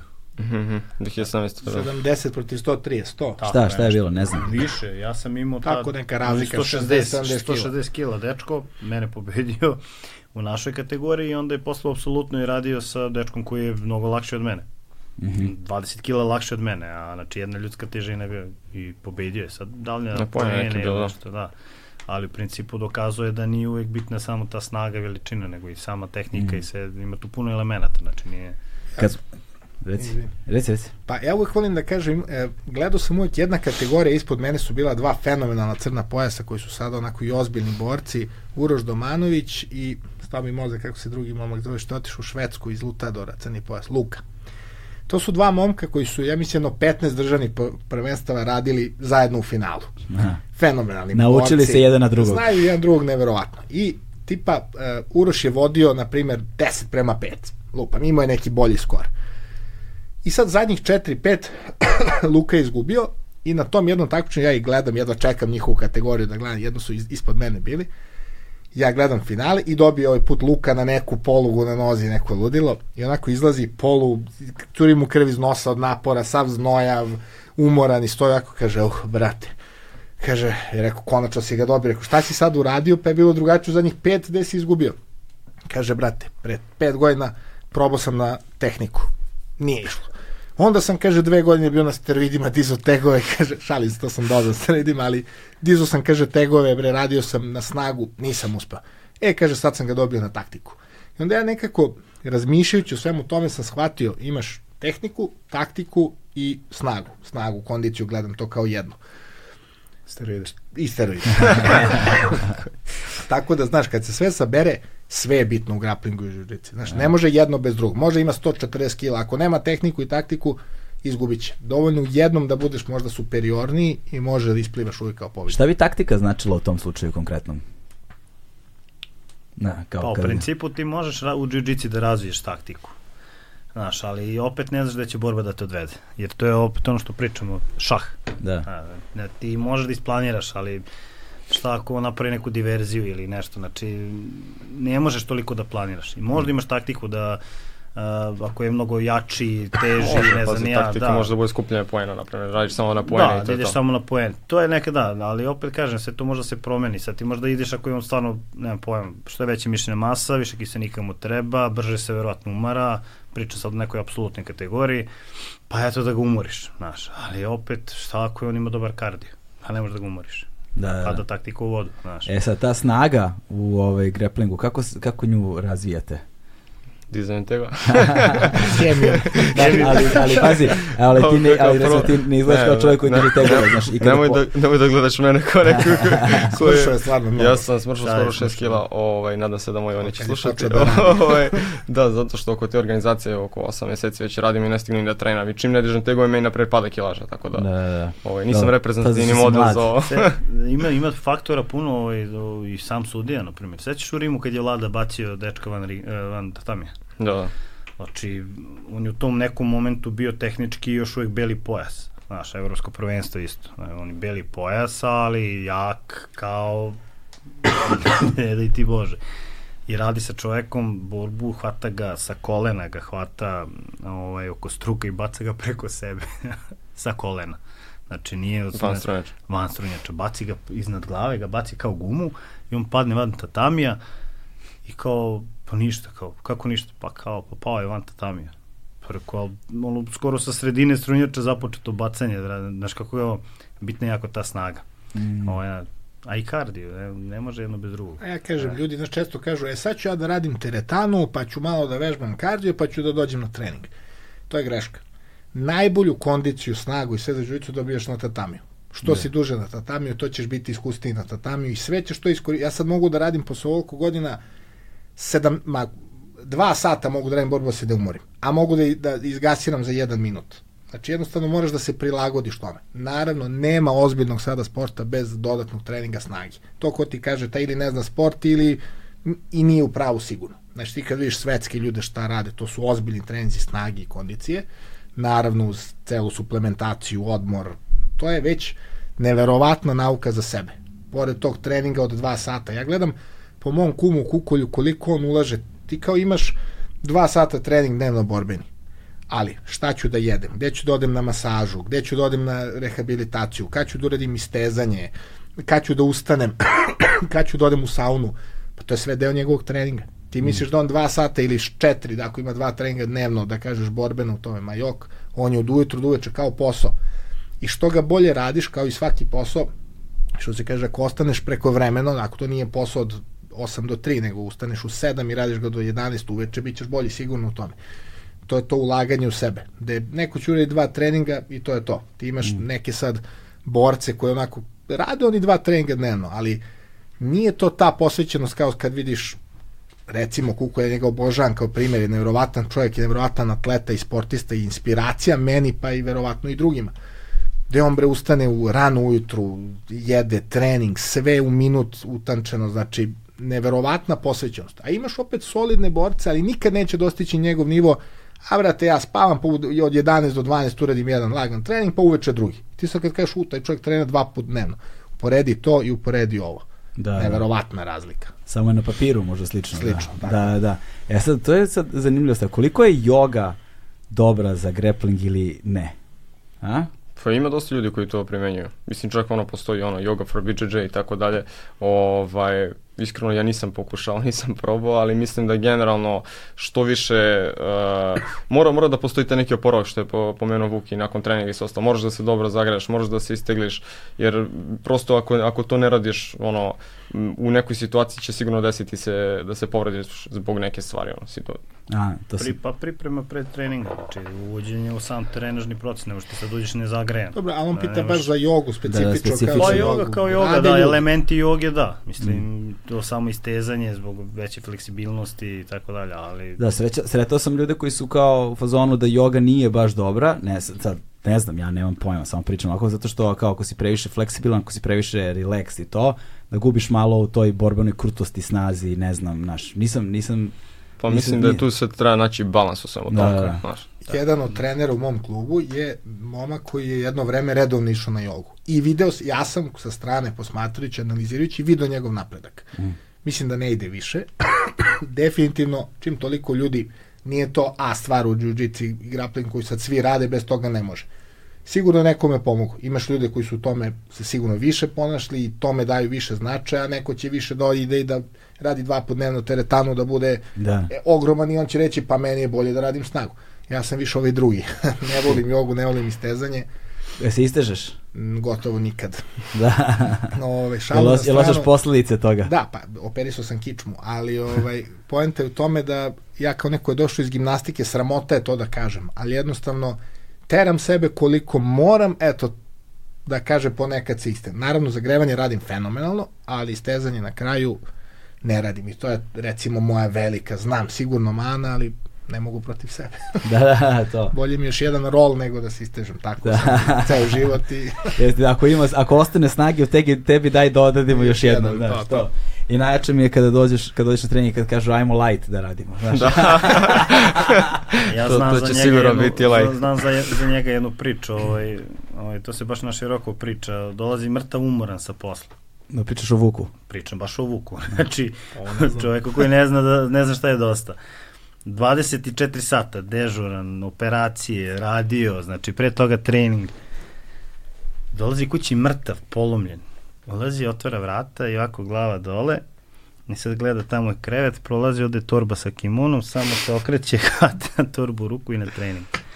Znači, nestaje. Ovaj, Pa to Moraš ti je nešto što te hrani, mislim. Ja Da. bez toga meni mnogo, ljudi kao, kako može? Se, meni se doga- događa 36 sati ne spavam, odem na trening. To je stvarno, nije pametno. Ja ne kažem da je to možda zdravo i tako dalje. Ali veruj mi, ja mislim na kraju kad se sve sabere da mi je to bolje, što sam tih dva sata istrenirao za moje telo, nego da nisam. Jesi umoran, jeste težak taj period dok ti odeš na trening i kažeš, čoveče, samo bih spavao koncentracija manja, možda stepen mogućnosti povrede veći, ali efekat posle treninga, pa jako da sam spavao dva dana posle treninga. Mislim, taj fokus mi se vrati, energija mi se, da li, ne znam šta je u pozadini toga, da li endorfin koji se izluči od sreće što sam na treningu, što sam s prijateljima posle dva dana da si okružen, razumeš, ljudskom patnjom, jer moj posao jeste specifičan i stvarno si okružen teškim pacijentima i to sigurno utiče na psihu. I onda dođem, pogledao su moja bra, pa ja imam na treningu šest kumova. Ja nemam ni jednog kuma s posla. Mislim, daleko od toga da ja ne volim te ljudi, da se ne družim s njima, naravno, ali ovo su ljudi koji mene hrane. A onda sam ra- analizirao zašto je to tako. Nas sve na tom mestu okuplja nešto što volimo, možda ne najviše u životu, isključujem porodicu i tako dalje, ali nešto što nas drži na okupu gde smo zajedno tu zbog jedne stvari koju svi volimo. Znaš, ti kad odeš na posao, pa ne mogu da kažem, ali većina će reći, jo, posao, ne mogu sad na posao i tako dalje. Ne, ne uživaju ljudi u tome. Ne, često ga rade, ali moraju da ga rade. Ovo je nešto da se svi skupimo za nešto što volimo. I ti, brate, kad, ja, ja ne znam da, nikad nisam vidio neku zbiljniju svađu na treningu, neku nesuglasicu, ok, događa se neko te, ajde šta si, udaraš ga slučajno, ono sparing, padnu jedni na drugi, ajde pomeri se, znaš, ali nikad zlu krv nisam vidio. Eto, za 20 i nešto godina nikad nisam vidio neku zbiljniju da se neko posvađa. To sigurno govori o sebi, o tim ljudima, zašto okuplja takve ljude, znaš. I ne, nisam vidio, analizirao sam, ja volim da analiziram tako sve, analizirao sam recimo džudiste, ja ću svoje dete da dam prvo na džudo. Ja nisam upoznao ozbiljnog džudistu lošeg čoveka, to stvarno mislim. Da li je taj kimono, viteški oklop koji gradi u njima, ili je to prirodna selekcija da jednostavno loši moraju da otpadnu zbog toga što ne mogu taj ego i taj, da kažem, to što moraju da ispoštuju da bi bili na tom tatamiju, na tom borilištu, da kažem, taj pozdrav, taj e, odnos prema treneru, prema ti, kad si ti vidio džudistu da e, nakon izgubljene borbe pljune, šutne, baci gumu iz usta, nema toga u džudu. Znaš, i to, me, to je meni dokaz kakvi To su je ti tamo i ljudi. zabranjeno, znaš. ono dobiješ diskvalifikaciju, penale, ne možeš se takmičiš ima. ali vremenom verovatno ih je to bilo je par njih, ti su sigurno otpali koji su uradili, onda budemo zabranu dve da. godine, onda rekao neću više da se vraćam. I stvarno ostanu ljudi koji su u biti takvi, da to neće da urade. Stvar Razumeš? vaspit, to je stav, Kodeks, to je ta, kodeks, ja. pa i Kodeks, stvar da, ne mogu vaspitanja, nađem da. reč, kodeks. Da. Ja bih rekao vaspitanje. Isto kao i dete, kad uradi nešto loše, kazniš ga, nauči da ne treba i to je to, tako ga, razumeš, vaspitaš tako i u sportu, znači ti ga vaspitaš kako da se ponaša u životu dalje.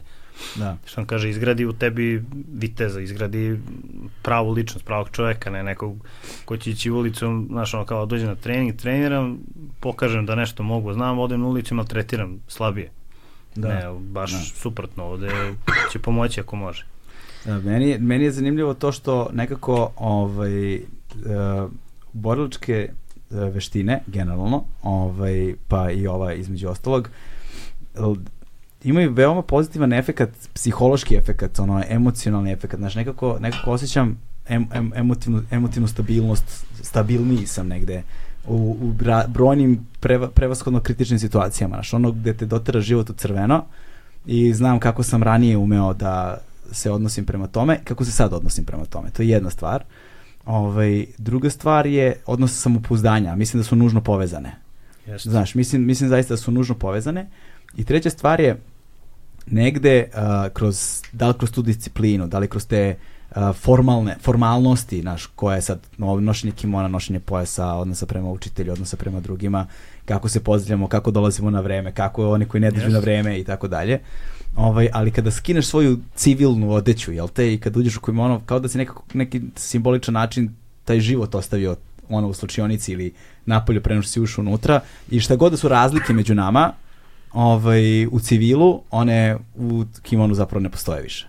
Upravo Znaš. I onda se na taj neki način i odnosimo jedni prema drugima i onda se negde i upoznaješ sa tim različitim ono psihološkim aspektima drugih ljudi, ono sa različitim karakterima sa kojima se možda ne bih sretao inače u životu, sa kojima možda ne bih podelio ni piće u životu, znaš. Sretete se i imate osnovna pravila koja se postavljaju kao nekakvo elementarno poštovanje među, na, među vama i onda radite.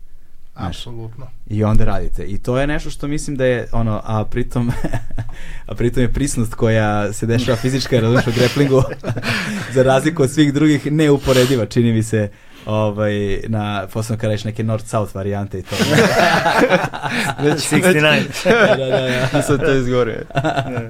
Znaš, ovaj, hajde da se vratimo malo na, na, na ADCC. Ovaj, um, koliko, uh, dakle, uh, koliko zemalja sveta praktikuje ADCC, ali znate to? Mislim da se svuda u svetu Svuda treba. Postoji federacija u sigurno na 30 zemalja sveta, tako da on, svuda. I Da. to je ono što je prepoznato, zapravo to je brand.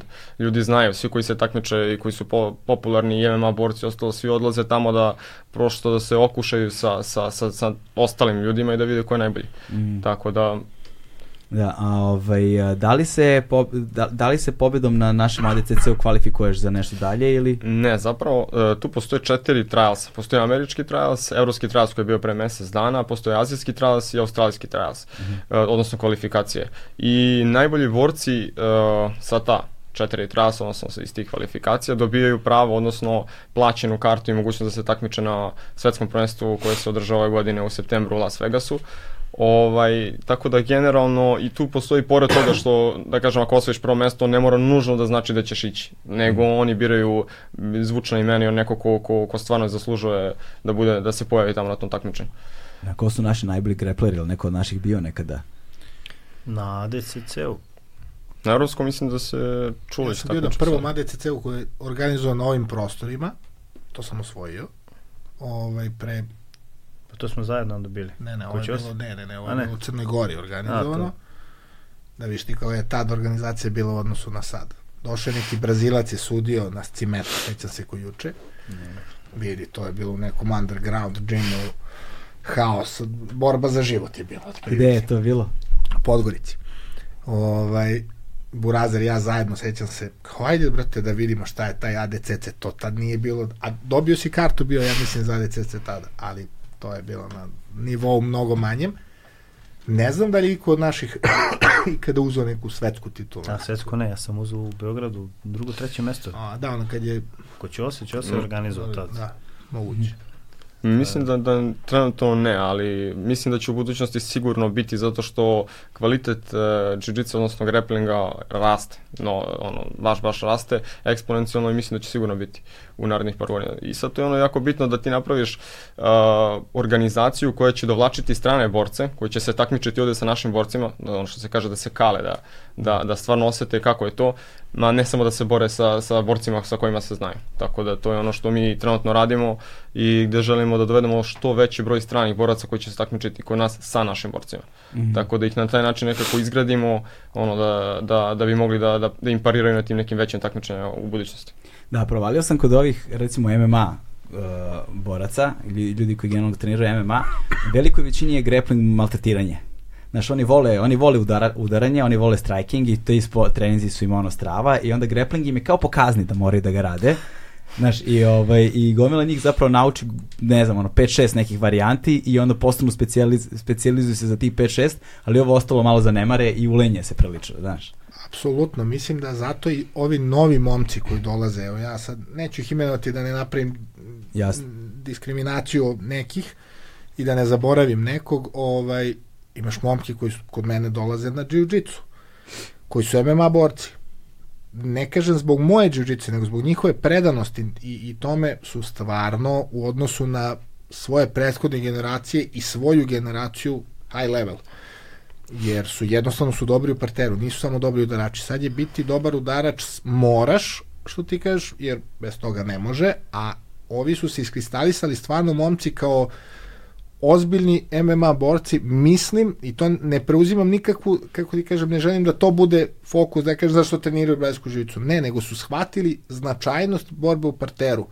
I mislim da su zbog toga stvarno neprikosnoveni. Sad će ići, još su u da kažem, amaterskom i tom juniorskom delu, ali mislim da kad uđu, u, u a vi znate o kome pričam, kad da. uđu sad u pro, da će da naprave boom neviđeni.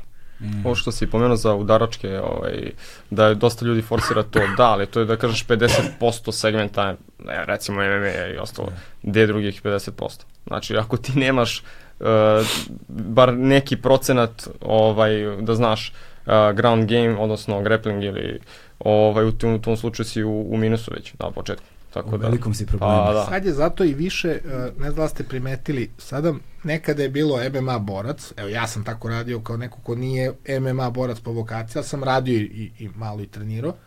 Ti imaš trening udarački, pa onda imaš trening džužice i onda se Žerijal tada kad smo mi radili, koji je znao i MMA i spremao naše prve borce, Tasmajskog đavola i tako dalje, on, se, on je ono organizovao kao MMA ovaj, treninge, a to je bilo potpuno drugačije. Ti sad imaš MMA klubove koji treniraš MMA, ne treniraš kao ovde sam dobar u boksu, pa ću malo sad da nadogradim da radim jiu-jitsu i sad ću ja da budem dobar MMA borac. Toga više nema. Sad bre, deca od 7-8 godina kreću MMA da treniraju kao zaseban sport i mislim da je to budućnost u MMA, znaš, i moraće da razviju jedno i drugo uporedu, da. znaš. E sad, ono, ono, ono što se često povlači kao pitanje jeste koliko je ovaj, uh, bor, ovo borenje, uh, koliko grappling zapravo efikasan kada se jednom uvedu udarci, znaš, to je ono, jer brojne pozicije samo lete kroz prozor, znaš, ne, naši, ono, kao neću sesti, kao da dupe i čekati, razumeš da priđe, nema, to se neće desiti nikad. Vidio sam da su i Simpsoni napravili neku foru na to, kao, znaš, kao ja sam crni pojas, velikih džiđicu i onda legnem na pod i kaže, do, dođi, dođi, kao, priđi pa ćeš da vidiš šta će se desiti, znaš. Ovaj, neke stvari nisu prosto realne, o, kao, iz, kao i činjenica da recimo na, u, u, u stvarnoj životnoj situaciji ćeš se nalaziti ipak na ulici na nekoj tvrdoj podlozi, gomila toga isto leti kroz prozor, ne, ne radi se, znaš, osim ukoliko ti te ne povuče adrenalin, što ti ja znam, ali to ne može, to može vrlo, vrlo, vrlo loše da se završi, ali je zanimljivo da um, se negde sad kao odvojena disciplina unutar svega toga tretira i uh, kako ga zovu, ground and pound zapravo, znaš, zato što način na koji se krećeš, braniš, udaraš, generišeš snagu i udarce, kada se nalaziš u tonu, da li u mountu, da li u gardu, je skroz drugačija varijanta sad. Kao naš potre, trenira se kao posebna disciplina. Mislim da je to ono na što stavljaju ovi MMA fokus u stvari. Pa, ground and pound, znači, to ti je opet, nije samo grappling. Da. To ti je onda opet kombinacija strikinga i grapplinga, znaš, tako da Ili ima negde taj kombat, uh, jiu-jitsu, ima, kako, ima, kako, ima, ima, to sam video na netu, ali, postoji, da. ali ima kod nas negde da to neko radi. Pa nisam siguran, ne znam. ne znam, mislim da to sve to u sklopu MMA. Sve može da se reši, da. Vidi, ja, ja to, da to gledam malo drugačije. Ovde pričamo o sportu. Mm -hmm. Na ulici je potpuno druga stvar. Da. Kako gledaš na ulicu, onda možeš znaš i odbranu od noža i od pištolja i od svega i mislim da je to potpuno jedna priča za sebe. Uh, A s druge strane, kad pogledaš šta su, ja sam zaljubljenik u taj stari Brazil i bio sam u Brazilu i to je, tamo sam vidio kako ljudi rade i šta su radili. Gresi, Što znači stari Brazil? Pa ta old school brazilska džužica kako radili. Imaš ti sad i ljude koji tamo rade. Ja u ovom klubu gde sam bio, gde ti imaš 40 crnih pojaseva na jednom tatami, u jedno, na jednom treningu, nevjerovatno, ali svi rade basic džužicu nije zaživela, mislim, ima ljudi koji naravno rade i noge i taj berimbola i tako dalje. Ti vidiš da rade ozbiljno tu staru fiksacionu džiu-džicu, ali ne mislim čak nisam ni na to hteo da kažem, nego e, da bi došla brazilska džiu do nivoa gde je sada. Gracie nisu poslali samo e, jednog da pokaže na UFC-u šta je bilo. Njihova priča je toliko kompleksna. Oni su organizovali zatvorene borbe u kuhinji na pločicama, gde su izazivali sve moguće žive borce da dođu, da se okušaju sa njima u borbi bez pravila. Znači, oni jesu bili brazilska džiu-džica, a su radili sve vale tudo. Znači, radili su praktično brazilsku džiu udaljen, savremeni MMA. Onda je bio, ne znam, neko ko je isprozivo Heli agresije, ne Helija, nego ovog najboljeg, eh, stav mi mozak. Roger Royce, Royce. Ne, ne, ovaj, što je bio Ćeli što radio Pride, kako se zove, stao mi mozak. Nije ni bitno. E, radili, ne, nekoga isprozivaju. I on je rekao ovako, dođi kod mene u, u, ovaj, u džim i tući ćemo se do pobede. Kamere će snimati samo ako mi dozvolimo u zatvorenom i radimo ovako. Ako radimo na ugovor, kad predaš ja te puštam. Ako radimo na čast, ja te puštam kad ja mislim da je dovoljno. Hmm. Posle sat vremena ovo izlazi sav krvav, taj što je izazivač, I, ovaj, I tek posle 25 godina je stigla ta snimak i te kamere koje je snimala iznutra da ga ovaj ubio od batina. Ali hoću ti kažem, to su ozbiljni bili borci koji su morali da tra- traže neki put da bi razvili tako opasan sport kakav je bio MM, odnosno MMA koji su oni razvili kroz Valetudo i Šta je te- Valetudo? Pa Valetudo je vrlo slično brazilskoj džiu-džici sa primesama udaraca i tako dalje. Znači, Aha. Mislim da oni radi udarce, ali tako? Da, Da. da, da. da. Ovaj, I otvoren šakama. Da, i jednostavno su ljudi radili bre rasli u tim favelama i iz tog nekog celog miljeja napravili nešto što je danas sport. A bilo je, verujem i tada, preživljavanje, jer oni su morali da dokažu da su superiorni u tim favelama i tako dalje. Ja te njihove priče kad sam slušao to je ludilo, šta su oni radili? Pa kažete, u kuhinji organizuju na pločicama, namerno na pločicama, da se vidi krv gde je, da, Da, mogu da. lakše da obrišu.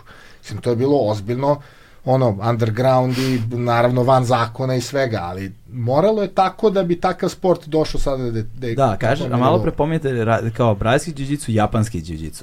Kao, koja je razlika? Pa velika razlika. Ozbiljno. Japanska džiđica ti je kombinacija judo, karatea i aikido. Znači, Mhm. i napravljena, da kažemo, koncipirana baš za, da kažemo, za samuraje ili na, za, za te otvorene borbe i rukama, nogama i bacanja, gušenja polugi i tako dalje. Dok eh, brazilska džiđica je kombinacija samo, eh, da kažemo, tih hrvačkih elemenata. i Svi imam ja i to. jedno pitanje, nisam siguran. Jel u japanskoj džici postoji takmičenje u borbi? Postoji. Da, da. Postoji, ovaj, nisam da. Ja sam takmičio nekad davno. Znaš, ljudi malo i tu i greše, znaš, šta je veština, šta je sport. Čim, tim, Da, čim ti to nemaš sam sparing, hteo jer ti Japanska kad nemaš... džiđica je i veština i sport. Znaš, a brazilska ne, ona je samo, mislim, jeste veština, ali pretežno je Sport. Da, da. Da. Ćosa ume da kaže sport je pokvario veštinu. Ovo, a šta, šta, a šta, šta, šta, šta, koja je razlika među sporta i veštine? Domaći brend garderobe Legend Worldwide je prijatelj Agelast podcasta na audio platformama. Pa pazi, uh, velika razlika. U smislu ti uh, radiš neku određenu, na primjer neku tehniku, odnosno razgrađuješ tu neku veštinu, radiš na tome, ovaj, i nemaš te neki realan kontakt, sparing. Ne postoji. Jednostavno nemaš takmičenja, ni, nije takmičarskog tipa. A, dok sport sa druge strane imaš sparing i tu onda vidiš stvarno primjenu te veštine zapravo. Jer ti ako nemaš da primjeniš tu veštinu, ne ono sada da kažemo u sali sa, sa ljudima koje znaš da je to malo iscenirano i tako dalje, nego da ti odeš na stvarni sparing i da to primjeniš, e, to je onda prava stvar kad ti to možeš da odradiš. I tu ono isto što si pomenuo na ulici i tako dalje. Mm, Nije baš realno, mislim, da neke stvari primjeniš na ulici, što je okej, ali mislim da i dobar deo može da se primjeni. Da, Tako da. Ovaj, Problem je u nozologiji. Znači, šta znači veština u smislu brazilskog džica jeste skup veština borbe, ali treba razlu, razlučiti šta je veština kao e, jedna, jedan pojam, u suštini veština je i ples, veština je i, ne znam ja, hokej je vrste, jer ti imaš veštine koje tu vežbaš, a s druge strane sport. Znači, to je no- nozološki problem u Srbiji jer je ista reč. Aha. Ali veština u, u e, smislu, naravno da mi vežbamo tehnike i smatramo da je naša džiu-džica ima određenu veštinu, moraš da imaš veštinu da bi bio dobar u njoj. Ali nije to, razlika između veštine i sporta kao dva takva pojma jeste da je veština pokazna, kata i tako dalje, dok je sport borba koja se završava pobedom jednog protivnika. Da, Prakti- više ja praktična primjena. To. Da, više ja sam to doživio drugačije skroz. Ja sam bio u fazonu veštine je ono nešto što ti izgrađuje kao karakter.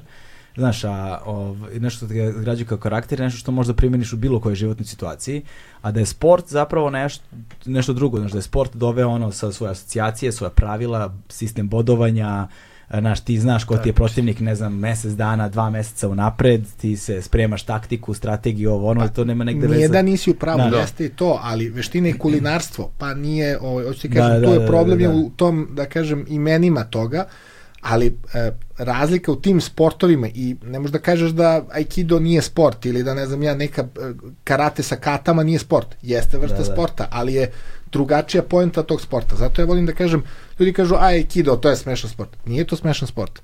to je sport za sebe, gde ti u, kad, uh, ona ima iste principe kao brazilska džiu-džica, samo što su to pokazni principi, gde ti nemaš realnu borbu, nego, a mi to isto koristimo, aha, ti hoćeš da me gurneš, ja neću da te zadržim, nego ću da te pustim da padneš.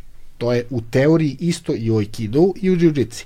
Samo što u aikidu je bitno da to lepo izgleda, ti to prikažeš veštinom, da to izgleda savršeno kao balet, a ovde nije tako, nego jednostavno stvarno može da ga otrese o, o zemlju, a neće raditi ako princip koji si naučio, da li na aikidu ili na jiu jeste da moram da njega propustim da bi pao, je isti.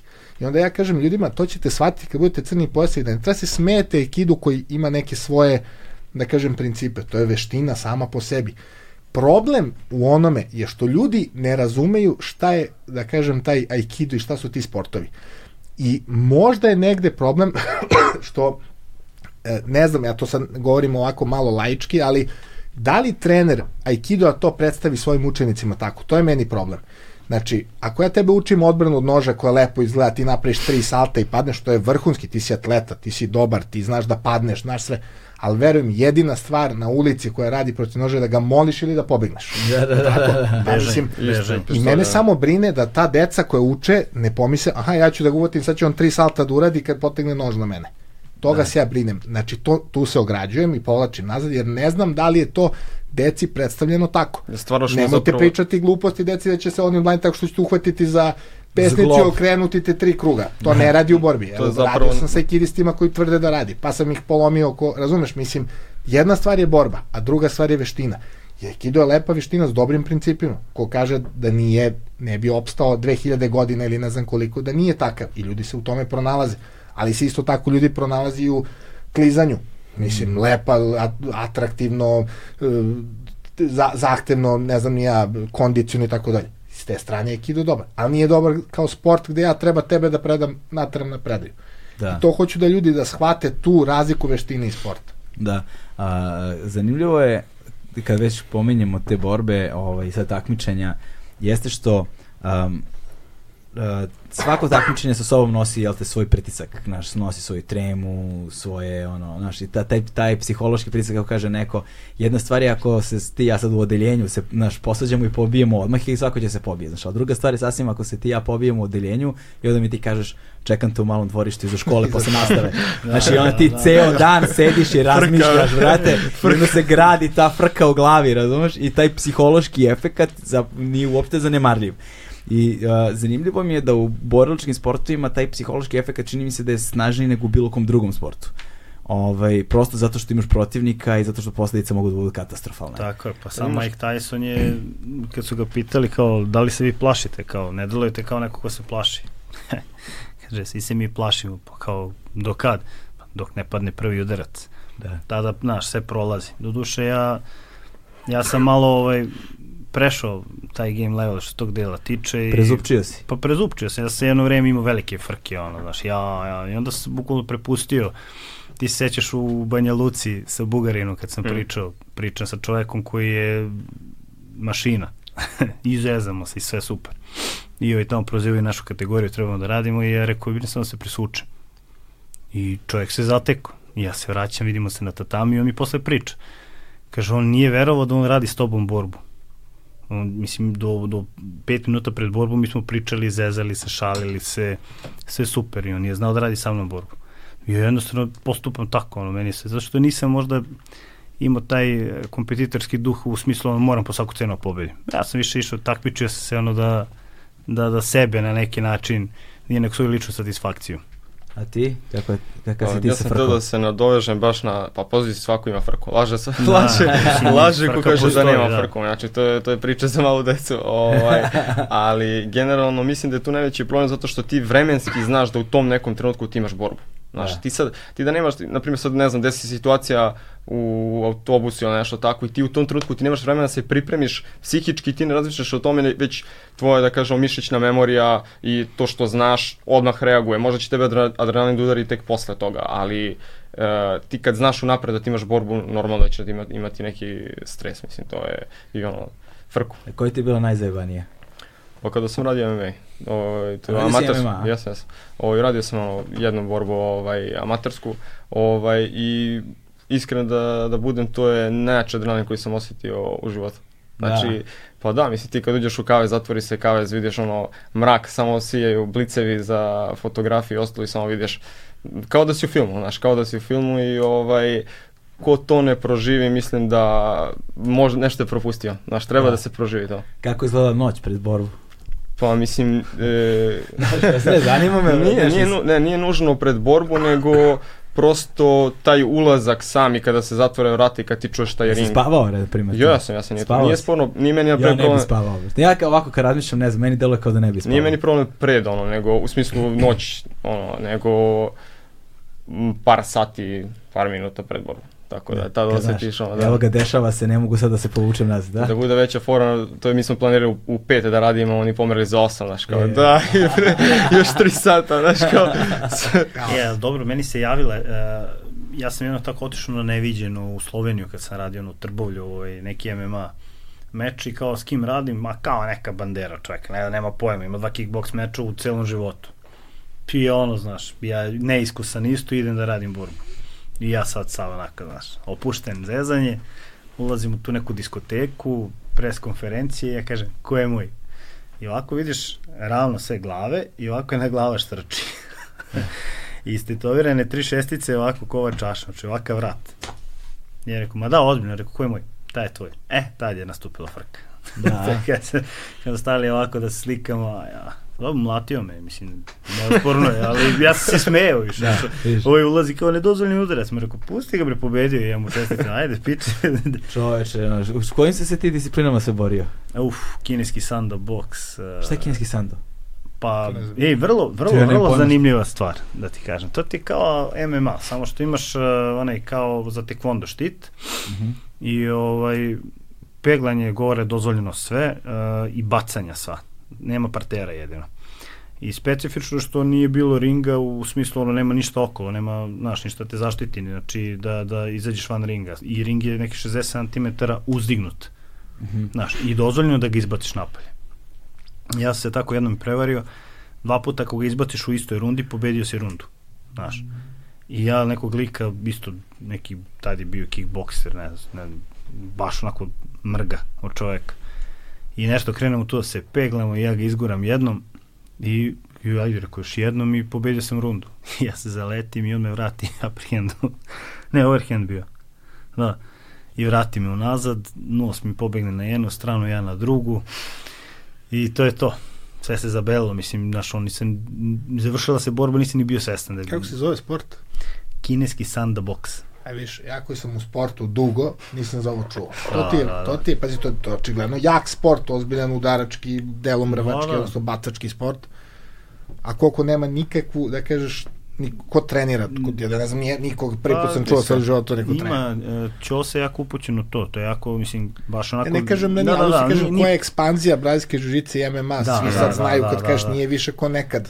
Znači, da, ne, ovo nije popularno, stvar. da, mislim, radio sam ja i K1, radio sam na BPN-u kod Miše Bačulova, par godina radio sam taj amaterski MMA i ovaj, nisam radio judo, nisam radio boks. Ali sam u principu radio... Ima vremena.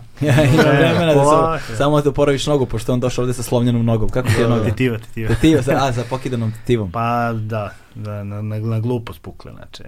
A, je. Isto je na sportu povređeno, ali eto. Da. Ove, ovaj, čemu si se sve borio, kažeš? Kineski sando. Kin, sanda box. Sanda, sanda. Sanda, sanda ja mislim da je, sanda nisam, nisam siguran, neću sad da, da, da grešim, ovaj, ali mislim da je to samo uh, veština kao veština već. Znači aha, da je to stil neki uh, kineskog uh, kung fu ali kao boks nešto. Znači, u principu zanimljivo je peglanje, ono, mm. smeš da peglaš ruke, noge, kolena, sve je dozvoljeno i ovaj, Jedino što je to dozvoljeno su ta bacanja, bukvalno sa, smiješ da ga zgrabiš, da ga baciš i sve to, sve je dozvoljeno, samo nema partera kao partera. I Aha. možeš da ga izbaciš slobodno van ringa. Dobro, kojim disciplinama si se još borio? Pa radio sam to, radio sam K1 sa radio, kažem, ovaj, na Grand, Grand Prixu. Aha. U, tad, tad mi, moj, sad, sad, sad smo jako dobri drugari, ovaj, u tom momentu mi je šutno me, tebe da me šutne, ovaj, kao neki Maj Geri, ali skliznula noga, pa udario me, nije mi udario ni u vilicu, nego udario u grkljan baš. Oh, u tom ja. momentu ja počeo dobio se neki spazam, šta je već bilo, ne znam ja. Ima, ima video baš na, na YouTube-u, ulazi doktor i četiri prsta, vadi mi jezik, meni se tu zgrčilo tu bilo. Uje. Da, loše iskustvo sa tog. Dosta loše iskustva. Dosta. Dosta loših izgleda. Koje ti je bilo najgore? Pa ovo na treningu, ovo na treningu kad sam pao, ej. Eto, to je najgore iskustvo. Ali Aha. možda je to trebalo tako, ovaj, znaš, da čovjek malo nauči da nije svemoćan, da, da, da Do- oseti malo koliko je krh u stvari, znaš. Dosta ti to ležerno prihvataš, čini mi se. ne? Sve. Po, mislim, Prošlo je dosta godina. prošlo je dosta godina, puno je toga i za mene, znaš, nije... Ovaj, zato ti kažem, jiu kao jiu je jako dobra, ovaj, uh, grappling, sve to, mislim, svi ti stilovi, da kažemo, ovaj, a, čovjek treba da dođe da proba da vidi gde je, šta je. Ti si sam rekao kako se osjetiš nemoćno, kako osjetiš se, razumeš, znači dok ne dođeš ne možeš da znaš koliko si u stvari krh i koliko si nemoćan dok, znaš, i onda kad dođeš, kad naučiš, moraš da ostaneš na tom nekom nivou, moraš, uh, da kažemo, duha i sve to, znaš, ne ono kao, sa, e, sad se nauče, e, sad ću da kidam. Ne, okej, ti kide sve to, ali uvijek se drži, uvijek uzimaj sa rezervom sve. Mm. Znaš, da možeš i sebe povrediti i nekog drugog povrediti i samim tim napraviti uh, štetu, kad kažem štetu, znači to je sad ti polomiš nekom, napraviš neku kontrafleksiju, na primjer na laktu. To je povreda koja se ceo život vuče. To nikad ne možeš ti da... Ja ne znam ka, kako je sad stanje, na primjer, mog vrata. Ali ja odlično se osjećam, ja treniram i, i a nema šta ne radim, znači i sparingujem, radim i boks i nema, znači suda sam, znači ono, nestajem. Znači, Iako to mu je to. zabranjen boks bio. Da, to si mi ti baš zabrani, izvini, ovaj, pravi se da nisam rekao. pravi se da nisi čuo. Uh, ali kako ti kažem, ovaj, opet moraš da znaš neke svoje granice, a ne možeš da ih upoznaš ako nešto ne probaš, znaš. Zato kažem ljudima, treba da dođu da probaju da bi vidjeli. Spoznaš drugu stranu sebe. Ono što da, si ti rekao, ne daje tebi samo brazilski jiu samo sport. Da, daje ti i ljude, daje ti taj neki unutrašnji mir i kako re... Meni je brazilski jiu dal sve u životu. Znači, mene je promenila kao lič, odnosno izgradila, mu kažem, dala promenila. ti je mene.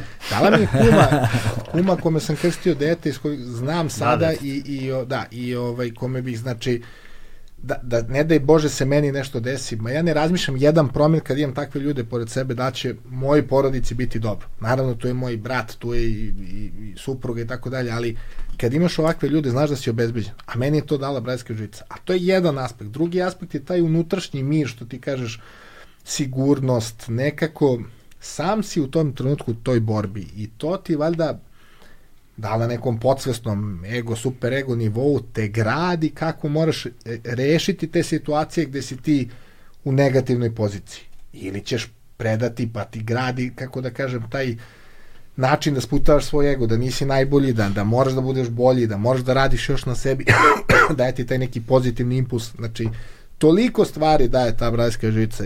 Mislim da je to opet ovaj, ograđujem se od porodice i takve stvari, najvažnija stvar u Da. mom životu. Meni je zanimljivo pomoglo dosta oko, recimo, anksioznih napada. Znaš, o, Jeste. oko anksioznosti generalno.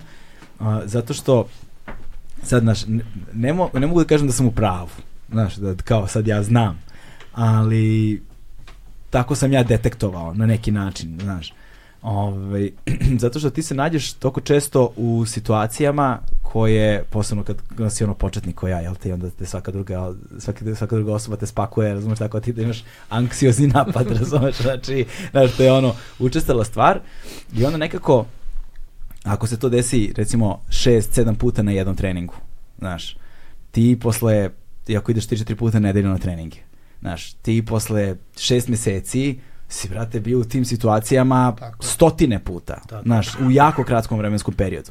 I nekako se vremenom navikneš. Organizam shvati da Tako to je. nije Navikneš se, navikneš se i samo je pitanje trenutka kada ćeš kada dođe, kada, kada, kada to stanje izađe, ispliva na površinu, kada ćeš ti zapravo početi kao da se smiruješ sam i da sebe učiš e kao sad smiri se, diši, znaš, diši, kao ništa, samo ne, preživljavaš i dalje. Ali, barem gledaš da pre, preživljavaš tako da ne upadaš u stanje panike. Ali znaš šta te Tako je. čeka, znaš, nije, nije ti više ništa znaš, Tako je. nepoznato. I znaš da ti neće sad si- biti ništa i znaš bio Tako sam je. ovde već milion puta. Znaš, Siguran sam, Ali ima tu još, sam, ne, ima još neke situacije kad tebi sebi tako Ali kažem, pazi- nije ti ništa, bio si ovde već milion puta. Znaš, znaš iz, Pa ima, stvarnog, ima, ima. iz stvarnog života i onda a, nekako a, hvataš sebe nesvesno da primenjuješ tu istu tehniku smirivanja u nekom ono životnoj situaciji ekstremnoj. To je ono što je meni zapravo što mislim da je negde najveća vrednost. Posebno za nas koji smo rekreativci u godinama već i tako dalje, koji nemamo takmičarske ambicije niti išta slično. Ovaj, niti možeš da se takmičiš ono sa klincima koji se ne umaraju prosto, znaš, kao, to je ono, ne umaraju se i jaki su ko životinje, ne nemaš ti tu šta da tražiš ali, uh, ali ono što mislim da je kao taj dugoročni benefit jeste upravo ta vrsta stabilnosti, ta vrsta ono prijateljstva, ta vrsta ono kao pleme, kao pleme neko, znaš, oni familija, sebe, familija, znaš, familija. tako da, tako, tako, tako nazivaju. I onda stičeš te neka, te neka iskustva i te neke odnose međuljudske koji baš znače mnogo. Ali, ti, ali nisi mi ti rekao ovaj, koje su, koje su najzajebanije borbe tebi bilo u životu? Uf, ja sam mnogo takmičio. Imao sam stvarno Pa evo, gledao sam skoro koliko je medalja, ko će 150-200 medalja. Znači, bilo je mnogo turnira. Ja i dalje imam neverovatnu tremu pred prvu borbu. Posle prve borbe, ako dobijem prvu borbu, ja ću da osvojim turnir. Znači, meni je prva borba užas. A sam razmišljao da ste pričali, ima jedna anegdota mnogo smešna. Bio sam u reprezentaciji i sa mnom je... Koje reprezentacije? Srbije, tad je bila reprezentacija grapplinga, nije bilo u džižici, nego reprezentacija grapplinga pri Fila udruženju. Tad je Fila držala da, rvanje i mi smo bili pri Rvačkom savezu reprezentaciji. Morao si da prođeš dva, tri takmičenja da bi ušao u reprezentaciju. Čekaj, či, či, či, sad nisam razumeo. Bio si rvač? Ne, pri Rvačkom savezu bio odsek za grappling. Aha. Okay. I mi smo se takmičili, imao si takmičenje evropsko, svetsko u grapplingu. A kažeš nije bila jiu-jitsu.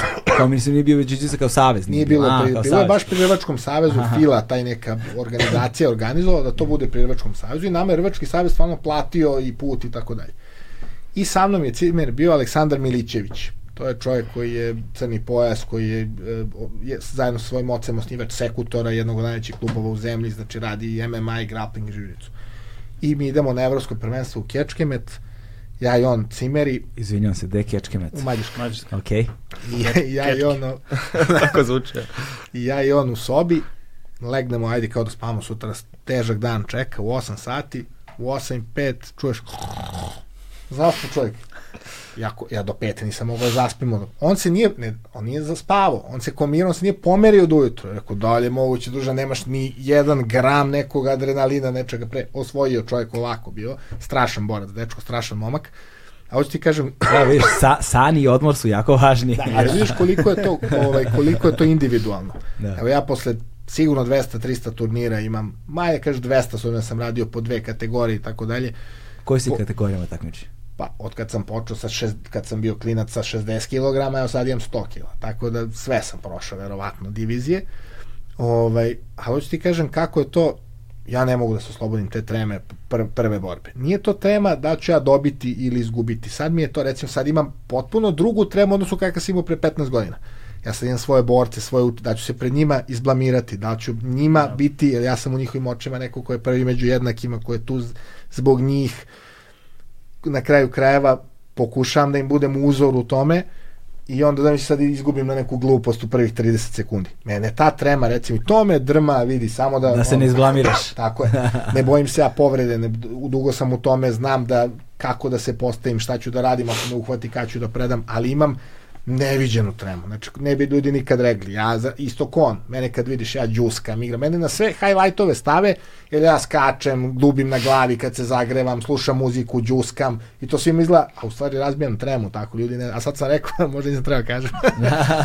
Šalu na stranu. Ima, ima to. Imam, znaš, to je recimo, imaš njega, onda imam drugara u klubu koji ja njega nalup, hoću da mu nalupam tri šamara da mu malo probudim samo taj nek...